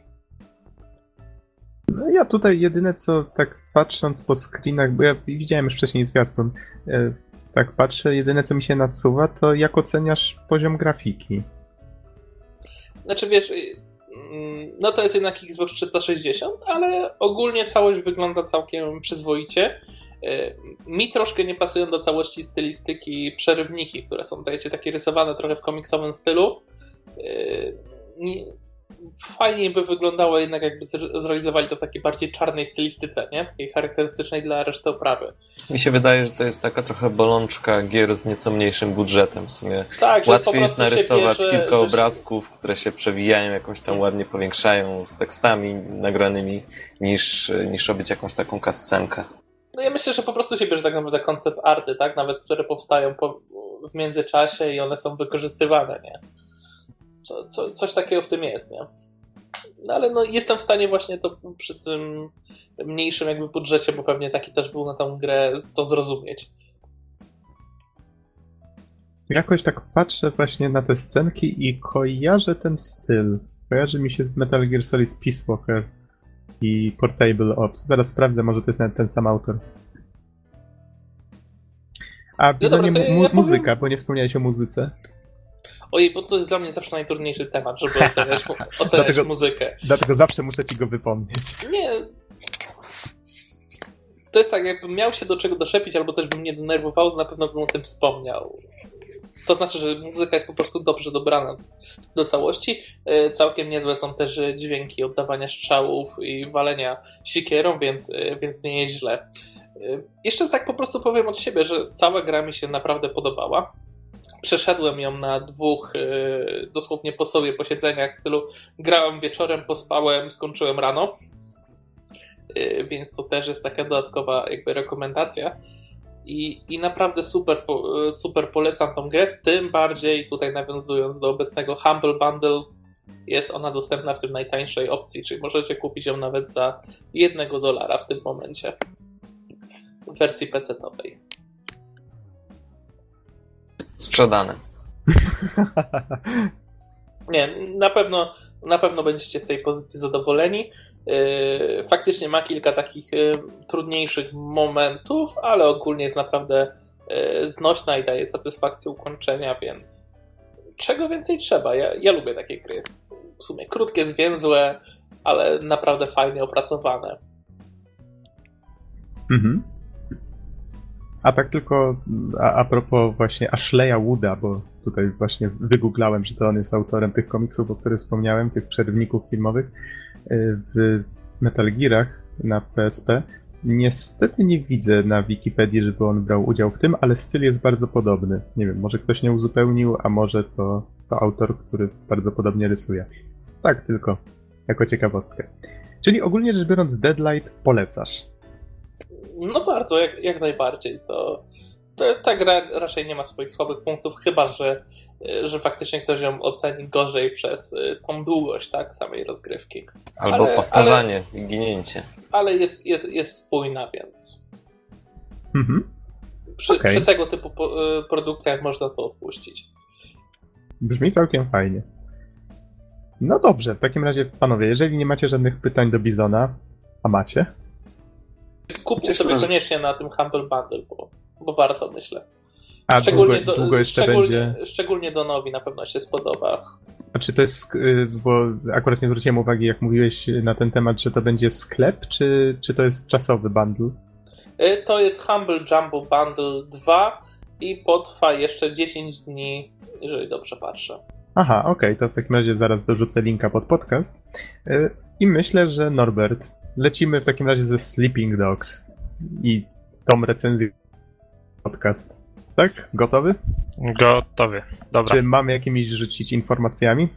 No to poproszę naszego kronikarza o, o informacje odnośnie gry. Ciocia Wikipedia podaje, tak? Ciocia Wikipedia podaje, że to jest gra, którą można zagrać na PC, PS3, PS4, Xboxa 360 i Xboxa One. Wyszła w sierpniu 2012, czyli znowu dwa lata. Wow, jak ten czas leci, czuję się stary. I, i jest to gra Action Adventure Single Player. No i niedługo będzie miała swoją wersję jakąś remasterowaną, wydawaną, tak? A to tutaj akurat sekundkę muszę rozwinąć. A, tak, zgadza się. Ona dopiero w październiku tego roku wyjdzie na e, PS4 i Xbox One i widzę, że jakaś wersja PC Definitive Edition też wtedy wyjdzie, czyli tak, tutaj pominąłem ten fakt. Okej. Okay. E, no to wracając do tego, czym ta gra w ogóle jest, no to jest to gra w stylu GTA, czyli mamy otwarte miasto, gdzie wykonujemy sobie misje, czy to związane z fabułą główną, czy to misje poboczne. No i oczywiście każdy samochód prawie możemy zabrać, możemy w niego wsiąść, yy, możemy sobie postrzelać na ulicy, choć o tym opowiem za chwilę więcej. No dobra, kim jesteśmy jako głównym bohaterem, więc yy, naszym głównym bohaterem jest policjant, który wychowywał się w Hongkongu, gdzie toczy się właśnie główna akcja gry ale jako nastolatek wyemigrował do Stanów, no i tam właśnie został policjantem i pomagał rozbijać różne e, szajki poprzez bycie takim undercover agentem, czyli wnikał w struktury tam gangów, no i pomagał w ten sposób je rozbijać. No i tutaj po powrocie do Hongkongu e, dalej jest policjantem, no i właśnie dostaje zadanie wniknięcia w szeregi gangu Sanoni, e, gdzie w sumie co dość łatwo mu się udaje, ponieważ zna niektóre osoby jeszcze z dzieciństwa, które są w tym gangu, no i szybko się tam wkręca, szybko awansuje. Tutaj, przepraszam, że ci przerwę, ale wyczuwam jakąś taką policyjną dramę. Nie, nie dość, że musi działać jako podwójny agent, to jeszcze są ludzie, których zna tam osobiście. Tak, no i właśnie tutaj mogę tak pokrótce opowiedzieć o fabule, nie chcę wszystkiego spoilować, więc to będzie tak krótko, ale no faktycznie jest taka pewna drama, mianowicie angażuje się on w to życie gangu, widzi tam, że są tam cenione pewne wartości, takie jak rodzina, honor i tak dalej. A z drugiej strony policja okazuje się też nie do końca dobra, mianowicie fabrykuje niektóre dowody tylko po to, żeby kogoś zamknąć koniecznie i tak dalej, i tak dalej. To w dość sposób brutalny potrafi te dowody sfabrykować, w sensie postrzelić trupa z czyjegoś pistoletu, żeby kogoś tam właśnie wsadzić do więzienia i tak dalej, i tak dalej. Nie chcę tutaj wszystkiego zdradzać. Niestety dostajemy jakby kęsa tego, o czym teraz mówię, tej wewnętrznej walki bohatera, po czym ten wątek się tak troszkę urywa. I to jest zarazem największy plus fabuły i największy minus, no bo no jakby czuję niedosyt w tej kwestii, tak? Coś, coś się zaczęło, ale nie do końca zostało to jakby rozwinięte i wykorzystane w taki sposób, jak należy. A plusem jest to, że próbowano ten wątek poruszyć, tak? Tak, tak. No w sumie jest to ciekawe, tak? Z jednej strony niby oni są przestępcami, a okazuje się, że no niektóre wartości i to, co, co osobą reprezentują, jest lepsze niż to, e, co reprezentuje sobą policja. E, Okej, okay. wracając do, do miejsca akcji, czyli Hongkongu, no to to jest zdecydowanie największy chyba plus tej gry, no bo nie kojarzę, a nie była kiedyś taka gra z Johnny Woo. Dobrze, nie pamiętam teraz nazwy, w każdym razie Czy, czy rzadko mówisz się... o, zaraz wyszukam, ale mówisz o takim czymś jak taki Max Payne, tylko No, właśnie Tak, no to było tak, rzucaniem się slow motion i dok- dokładnie o to mi chodzi, zaraz ale znajdę tytuł, bo chyba pamiętam, ale wracając do sednum sprawy, to jakby mało jest gier w klimatach Hongkongu, w klimatach wschodnich. No i fajnie jest coś takiego zobaczyć. Troszkę inne klimaty widać, te bazarki, ten klimat Hongkongu, boczne uliczki takie zaniedbane, gdzieś tam wieżowce, gdzieś takie biedniejsze dzielnice. E, radia, czyli z, z tym wiąże się też muzyka, też jest raczej taka wschodnia i cały klimat. Co z drugiej strony nie do końca może wszystkim też podpasować, tak? No, trzeba lubić to. E, Mi na przykład muzyka średnio podchodziła. Szukałem w tych stacjach radiowych czegoś, co by mi podeszło, no i tak, tak umiarkowanie. I tak oto znalazłeś zachodnią stację. To też też chyba jest jedna z zachodnia stacja, ale chodzi o to, że jeżeli nie jesteśmy na co z tym oswojeni, no to może być to dla nas mały szok. To ja Poza tak dodam tym- tylko, że ta gra z Johnem Woo nazywa się Stranglehold.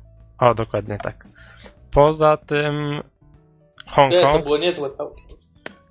Hongkong to, jak niektórzy kojarzą, kolonia angielska, więc jeździ się samochodem po lewej stronie. I po prostu do końca gry przez kilkanaście, czy może nawet kilkadziesiąt godzin, no bo odszukałem tam wszystkie znajdźki i tak dalej, mm, nie mogłem się przyzwyczaić, że dobra, skręcam w tą, no to skręcam na lewy pas, a nie na prawy, szczególnie podczas pościgów. No i to jest trochę problematyczne z dobrych rozwiązań, jeżeli są na przykład dwa pasy na jezdni, to zawsze po środku jest tyle miejsca, żeby się zmieścić pomiędzy tymi samochodami. Trzeba się trochę nagimnastykować, ale można w ten sposób jechać przez ulicę i sobie pędzić, co jest fajne. Dobra, e, wracając do, do rozgrywki, to już o jeździe wspominałem. E, z DLC można znaleźć jeden ultra samochód z karabinkami, który bardzo ułatwia wszystkie wyścigi, e, misje poboczne, wyścigowe, które można gdzieś tam w grze znaleźć, jest trochę przegięty, więc to jakby minus za to DLC, które no ułatwia sprawę. Poza tym, jeżeli mamy też tą wersję wypasioną, przynajmniej tak jak ja miałem, podejrzewam, że z tego DLC też od razu na dzień dobry w grze miałem piąty z 10 poziomów reputacji policji i gangów, więc e, od razu na dzień dobry kilka skilli, ponieważ każdy poziom reputacji może odblokować pewien skill, kilka skilli możemy dostać jakby za darmo, co jest jak dla mnie średnim rozwiązaniem, no bo jednak nie po to kupujemy DLC, żeby, no nie wiem, żeby się nam łatwiej grało i żeby dostać od razu bonusowe, no nie wiem, skille. A, a mimo to są takie DLC i są ludzie, którzy je kupują. No tak, tutaj była, jak rozkupiłem jakąś tam edycję kompletną, czy jakoś tak, no nie pamiętam dokładnie nazwy, ale Aha, czyli jesteś zmuszony do tego, żeby grać z tym DLC. no tak. Znaczy, da, dalej pozostaje tu pięć ostatnich poziomów do odblokowania. Ten ultra samochód, żeby dostać, też trzeba sobie go odblokować poprzez przejście iluś tam misji, no i wiadomo, że trzeba go wtedy wybierać, więc można świadomie pomijać. Ale to rozwiązania są takie dla mnie średnie. Z A, fajnych, te, rzeczy, te, a dobra, to dokończmy, jeśli ja mam pytanie już. z fajnych rzeczy w DLC to dostajemy kostiumy, chociażby postaci z Deus Exa, nie pamiętam teraz imienia Głównego E, bohatera. Jensen? E, Adam Jensen? Tak, tak, dokładnie. Poza tym Hitmana, jeszcze kilku innych postaci, więc możemy sobie chodzić mm, właśnie tymi postaciami w grze. A faktycznie, bo wydawcą gry jest Square Enix. No, dokładnie. Przynajmniej częściowym wydawcą, bo widzę tutaj też Namco Bandai Games. Okej. Dobra, e, system walki. Mimo, że gra jest taka bardzo podobna jakby w swoim założeniu do GTA, to broni jest zaledwie kilka i dzieje się tak dlatego, że głównym, głównie będziemy bić się na pięści, a mniej strzelać. System walki jest całkiem fajnie zrobiony, mianowicie no mamy tam e, w sumie bardzo prosty też, no bo krótkie naciśnięcie przycisku oznacza le- lekkie uderzenie, długie, mocne. No i jeszcze możemy kontrować. Jeżeli jakiś przeciwnik nas zaatakować, to się odpowiednio podświetla i możemy zrobić kontrę. I jakoś te kombinacje, odpowiednie przyjmowanie taktyk, y, czasem jakieś takie quick eventy, które możemy się wyuczyć na poszczególnych przeciwników, to się sprawdza. Możliwość podnoszenia takich jeszcze broni w stylu, nie wiem, jakiś nóż, tasak, czy chociażby torebka albo parasolka do układania kogoś jest fajna. I w sumie to jest chyba całkiem mocny punkt ta walka wręcz. Dodatkowo możemy później, w sensie poprzez skille, poprzez odnajdywanie takich statuetek odblokowywać nowe ataki, jakieś takie uderzenie łamiące kolano, czy łokieć wyginające w drugą stronę. Czy Chciałem możemy, być gangsterem, ale dostałem pięścią w kolano. Padłem. czy możemy złapać przeciwnika i go, nie wiem, wepchnąć w krajalnicę, czy przywalić, czy wyrzucić przez barierkę. Generalnie możemy też używać w fajny sposób różne elementy otoczenia. Czy, no nie wiem, w telewizor głową, czy do jakiejś tam krajalnicy na, na ryby, że go tam do połowy wciąga i zmiela. Auć, auć, auć. No, są takie sytuacje. Ale w sumie fajnie to wszystko się sprawdza. Przypomniałem sobie, że kupiłem ostatnio ryby. Hmm. Okej, jeżeli chodzi o sterowanie, to dość specyficzna sprawa, no bo mm, gra ma wyjść na konsolę. Ja na PC większość grałem na gamepadzie, ale kiedy przychodziło do sekwencji, gdzie trzeba było strzelać, to przerzucałem się na myszkę i klawiaturę. No bo jednak sterowanie, mam wrażenie, na gamepadzie nie zostało zrobione najlepiej. Można tutaj jeszcze dużo, dużo poprawić. No i tak to wygląda, więc się przerzucałem sporo. Mm, Tak jak mówiłem, strzelania nie ma za dużo, ale jednak jeżeli będziecie grać na PC, no to pewnie będziecie zmieniać to sterowanie, a na konsoli no te fragmenty ze strzelaniem będą troszkę trudniejsze, bo no nie wiem. W sensie mechanika jest tak zrobiona. Jakoś w Saints Row 4 na przykład czy trójce nie czułem takiej potrzeby, tutaj tak. Mhm. Okej. A jeżeli mogę tutaj z pytaniem wskoczyć, m- mówiłeś, że możemy kraść samochody jakie chcemy, że teoretycznie jesteśmy gangsterem, który sobie lata po całym mieście, no ale mimo wszystko bohater nadal jest tym, y, tym sleeping dogiem, tak, czyli tym, mm, tym policjantem y, pod przykrywką, więc czy, czy to rozbijanie się po mieście i zabijanie na przykład przechodniów przypadkiem, czy to w jakikolwiek sposób wpływa na, na cokolwiek? Zal... I tak i nie. Mianowicie w takim trybie wolnej rozgrywki, gdzie nie wykonujesz misji, zupełnie na nic nie wpływa. E, Ale jeżeli wykonujesz misję, to tak jak mówiłem, są te poziomy reputacji. E, Mhm. U policji i u gangu. No i za na przykład każdego rozjechanego przechodnia tracimy trochę z maksymalnej, nawet sporo, z maksymalnej puli punktów do zdobycia e, dla policji. Czyli, no nie wiem, jeżeli zabijemy członka wrogiego gangu, dostajemy punkty. E, oczywiście tutaj jeszcze zależy od tego, w jaki sposób go zabijemy. Mamy ten system walki, im bardziej efektownie, tym więcej. E, a znowu, im więcej szkód wyrządzimy, nie wiem, każde zderzenie z latarnią, z samochodem, z, no nie wiem, z czymkolwiek, to są straty w reputacji dla policji. Więc w ten sposób to jest jakby zbalansowane, że podczas misji staramy się no, nie, nie rozbijać za dużo, jechać w miarę ostrożnie, co jest w sumie czasem śmieszne. No bo wiesz, tu, tu, tutaj kogoś słyszysz, że mordują i się strzelają, a tutaj z drugiej strony nie chcesz nawet otrzeć o, się o żaden inny samochód, no bo stracisz punkty dla, dla policji, nie? To nie wiem, czemu wyobraziłem sobie w tym momencie Jackiego Chana, który próbuje, nie wiem, łapać wszystkie garnki albo inne dziwne rzeczy robić. No troszkę tak. A propos policji, to ja mam takie pytanko. Dobra, czyli mamy grę z otwartym światem, w której możemy tojowo porobić, porozbijać się. E, No i pozostaje oczywiste pytanie z tą właściwą policją, która pewnie gdzieś tam się w grze pojawia i która reaguje na nasze poczynania. E, Czy mamy jakieś ciekawe po, pościgi policyjne i jakby ucieczki przed policją? E, Jak to wygląda? To znaczy, tak, z policją generalnie I czy Tutaj- jest liberalna policja, czy nie jest? Czy można na przykład dużo strzelać i rozbijać się i jesteśmy w stanie uciec, czy też po prostu uważamy na to, żeby nie zwrócić na siebie uwagi? Policja mówi spokojnie, to jeden z naszych. Stójmy, nic nie róbmy, patrzmy przed siebie. No właśnie policja jest tutaj bardzo mało liberalna, mianowicie w domu swoim, pewnie z jakiegoś DLC, mamy od początku broń. No i zaraz na początku gry wziąłem sobie karabin, mówię, a wyjdę sobie, postrzelam. No i w GTA to nam trzeba faktycznie tych ludzi się nazabijać, żeby policja przyjechała. Tutaj rzuciłem się na trzech kolesi z wrogiego gangu, których chciałem zastrzelić i chyba już po drugim przyjechały radiowozy policji, gdzie policjant zaraz do mnie podbiegł, rzucił się na mnie i koniec. Złapany i, i do więzienia, tak? Nie no, Więc- no to policja dobrze, sprawnie tam działa. Więc krótko, znaczy to wynika głównie z broni palnej, że broń palna bardzo dużo przyciąga uwagi. E, no i policja działa sprawnie, więc najlepiej jest uciekać przed nimi samochodem, bo może nie łatwo, ale można ich zgubić właśnie przy pomocy samochodu chyba najprościej.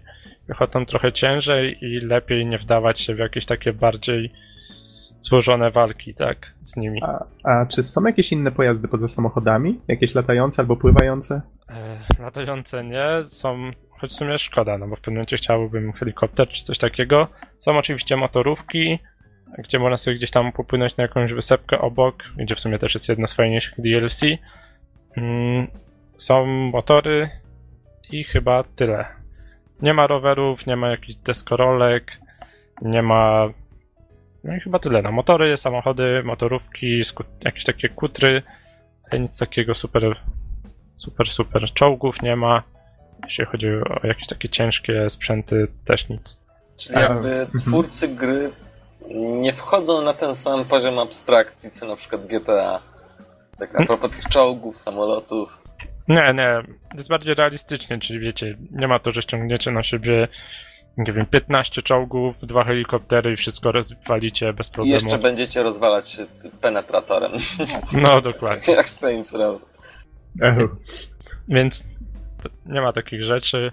Tak jak mówię, amunicji jest niedużo do broni, broni jest niedużo, więc albo pięści, przy czym policja dość szybko potrafi nas rozbroić.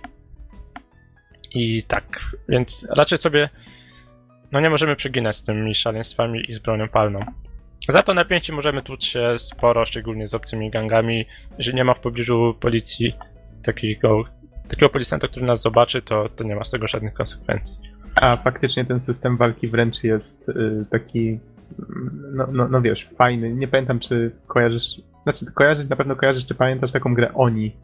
To No, no. nadal dla mnie jest wyznacznik takiego świetnego mordobicia y, w 3D Action Adventure. Czy tutaj jest, no nie wiem, lepiej, gorzej, no Oni jest już dość stary, ale... To znaczy ciężko porównywać, bo oni to było takie dość wypasione, to jest tak bardziej, może nie realistycznie, ale skromniej, o. Ale dalej jest fajnie, nie wiem, no widzisz na przykład trzech kolesi wrogich, no to podbiegasz do nich i z biegu masz zaraz opcję albo wyskok z kopniaka, albo łapiesz kolesia, rzucasz na ziemię i go z pięści, przy czym to też go rozbraja. Więc jeżeli ma, miał tam jakiś tasak, no to, to możesz go w ten sposób rozbroić. A jeżeli się rzuci znowu na jakiegoś takiego, który potrafi uniknąć tego ataku, to po prostu wylądujesz na ziemi, bo on zrobi unik, nie? To Mhm. trzeba odpowiednio dobierać do przeciwników. Później nie wiem, no tam jednego, jednemu go uderzysz w, tak w kolano, że mu się wygnie o 180 stopni, e, reszta w tym momencie odskoczy, bo ten atak jakby ma taki efekt, że, że na chwilę wrogów tam przestra... jakby przestraszowuje. Przestrasza. Przestrasza. E, ale też Budzi w nich grozę. Tak, o, budzi w nich grozę, ładniejsze określenie. No, no i tego, który jeszcze tam, wiesz, leży z tym złamanym kolanem, możesz tak ładnie, efektownie w twarz uderzyć, bo on jest taki wtedy w pół złamany. Nie wiem, drugiego łapiesz, wrzucasz, nie wiem, w jakąś tam milarkę do, do ryb czy do czegoś innego, Okej, to już No, przerabialiśmy. no, ładnie się bawisz, Geksen, ładnie. a trzeciego, no nie wiem, po prostu pięściami okładasz. Czy, Okej, czyli, czyli ro- rozumiem, że jest fajnie. No, okej, Tak, no właśnie okej. mówię, że ten system jest bardzo prosty, w sumie dwa klawisze, a rozbudowany, plus są te kontry. A powiedz mi, czy nie wiem, czy wychwyciłeś, bo nie wiem, czy jesteś fanem takiego kina, no ja nie, nie oglądam zbyt dużo takich filmów, ale czy jest, są jakieś nawiązania właśnie do takich, do filmów tego typu właśnie? Nie wiem, nie wiem, też niestety nie oglądam, to ciężko Mhm. mi powiedzieć. Okej. O, o czym jeszcze nie wspomniałeś? W O, czasie tak? rozgrywki. A, właśnie, właśnie.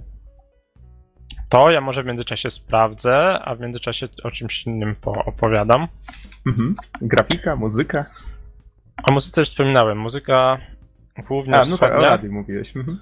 E, Za to ze śmiesznych rzeczy jest karaoke, gdzie możemy pośpiewać sobie różne hiciory, takie no takie raczej amerykańskie z lat 80. i tak dalej, takie klasyki, które wszyscy znają. Już myślałem, że coś po chińsku. Ajo, ajo.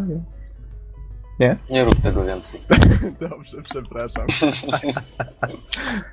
E, dobra, jeżeli chodzi o grafikę, na dzisiejsze standardy nic nie urywa, ale jest w porządku, więc No nie wiem, nie wiem co więcej powiedzieć, tak? No jest ok, jak na sandbox, no to nawet bardzo ok. Mm, grałem 35 godzin, przy czym to nie było tylko przejście fabuły głównej, ale też przejście z dwóch takich albo i trzech DLC, plus znalezienie chyba wszystkich znajdek w grze. Więc trochę tego jest. Poza tym możemy kupować samochody, właśnie możemy odnajdywać kapliczki zwiększające życie, rozbijać tam gangi poprzez hakowanie kamer i nasyłanie policji w te miejsca. A, hakowanie Jakieś- kamer, czyli ta gra jednak ma coś wspólnego z Watch Dogs. Trochę tak, to Watch Dogs się na nie wzorowało. Wszy- Wszystkie doksy to jedna rodzina. E, Są też jakieś misje poboczne w stylu takie niby randki, za co dostajemy bonusy, że właśnie te kapliczki zwiększające życie widzimy na minimapie, i tak dalej, i tak dalej. No, jest jeszcze sporo misji pobocznych, wyścigi, jakieś pościgi, złodzieja. No, jest, jest trochę tego, tak? No, ciężko mi wymieniać wszystkie. I co? No i chyba tyle, jeżeli chodzi o tą grę. Grało się przyjemnie, długo. Szczególnie ta wersja z dodatkami. No jeszcze jakieś takie DLC, gdzie jakby nakłada się filtr, dzięki czemu wygląda to jak film z lat 80. i mamy turniej jakieś walki. Mamy e, dodatkowe DLC już takie jakby zupełnie oderwane od głównej fabuły. One z osobną pozycją w menu, gdzie walczymy z zombiakami, tylko nie, nie naszymi zombiakami, tylko takimi wschodnimi, więc one tak śmiesznie podskakują, mają śmieszne ciuszki. E, trzeba też na nie odpowiednie taktyki przyjmować.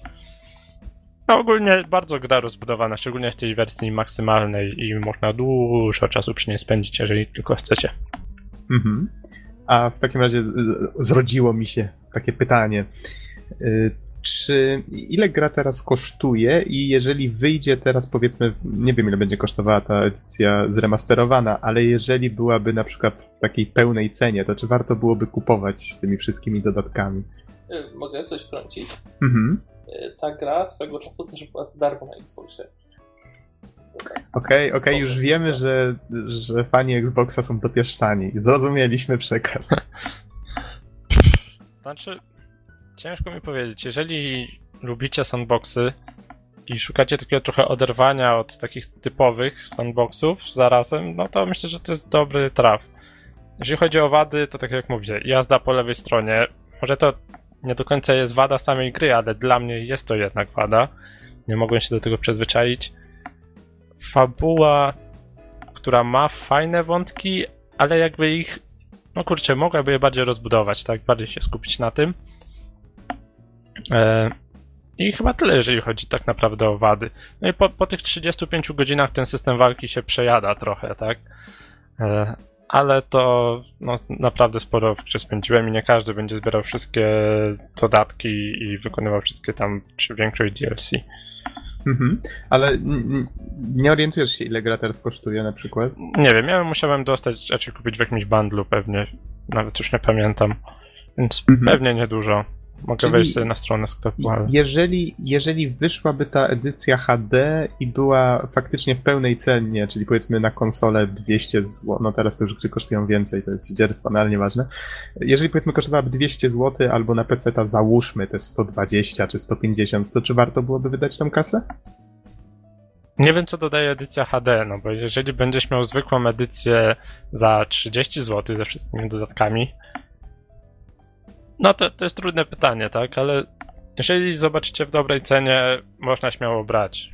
Jeżeli chodzi o pełną cenę, to jak już ktoś uważa, tak? Ja rzadko kupuję gry w pełnej cenie, więc ciężko mi powiedzieć. Mhm, okej.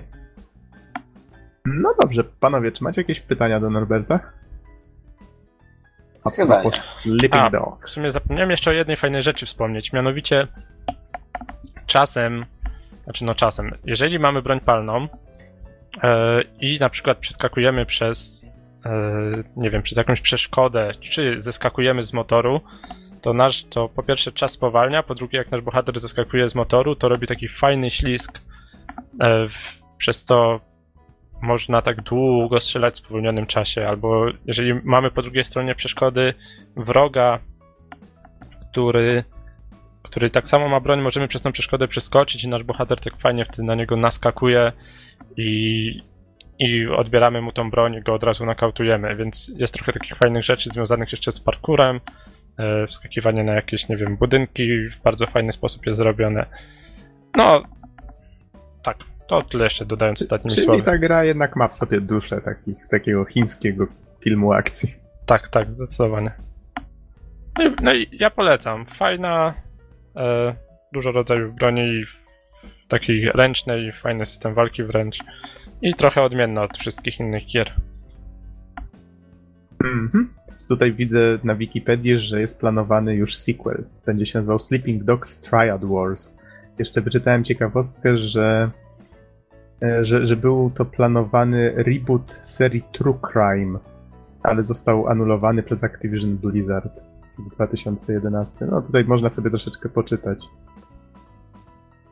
Widzę, że, że to z tą grą wiąże się jakaś ciekawsza historia. No dobrze, czyli skoro nie ma już żadnych pytań, panowie, i Norbert, jeżeli już ten, chcesz coś jeszcze dodać, czy Nie, nie, to wszystko. dobrze, to wydaje mi się, że chyba możemy kończyć, jeżeli nie ma żadnych sprzeciwów. W takim razie dziękujemy wszystkim bardzo za uwagę i zapraszamy do następnego odcinka. Trzymajcie się. Cześć. Trzymajcie się, na razie. Na razie.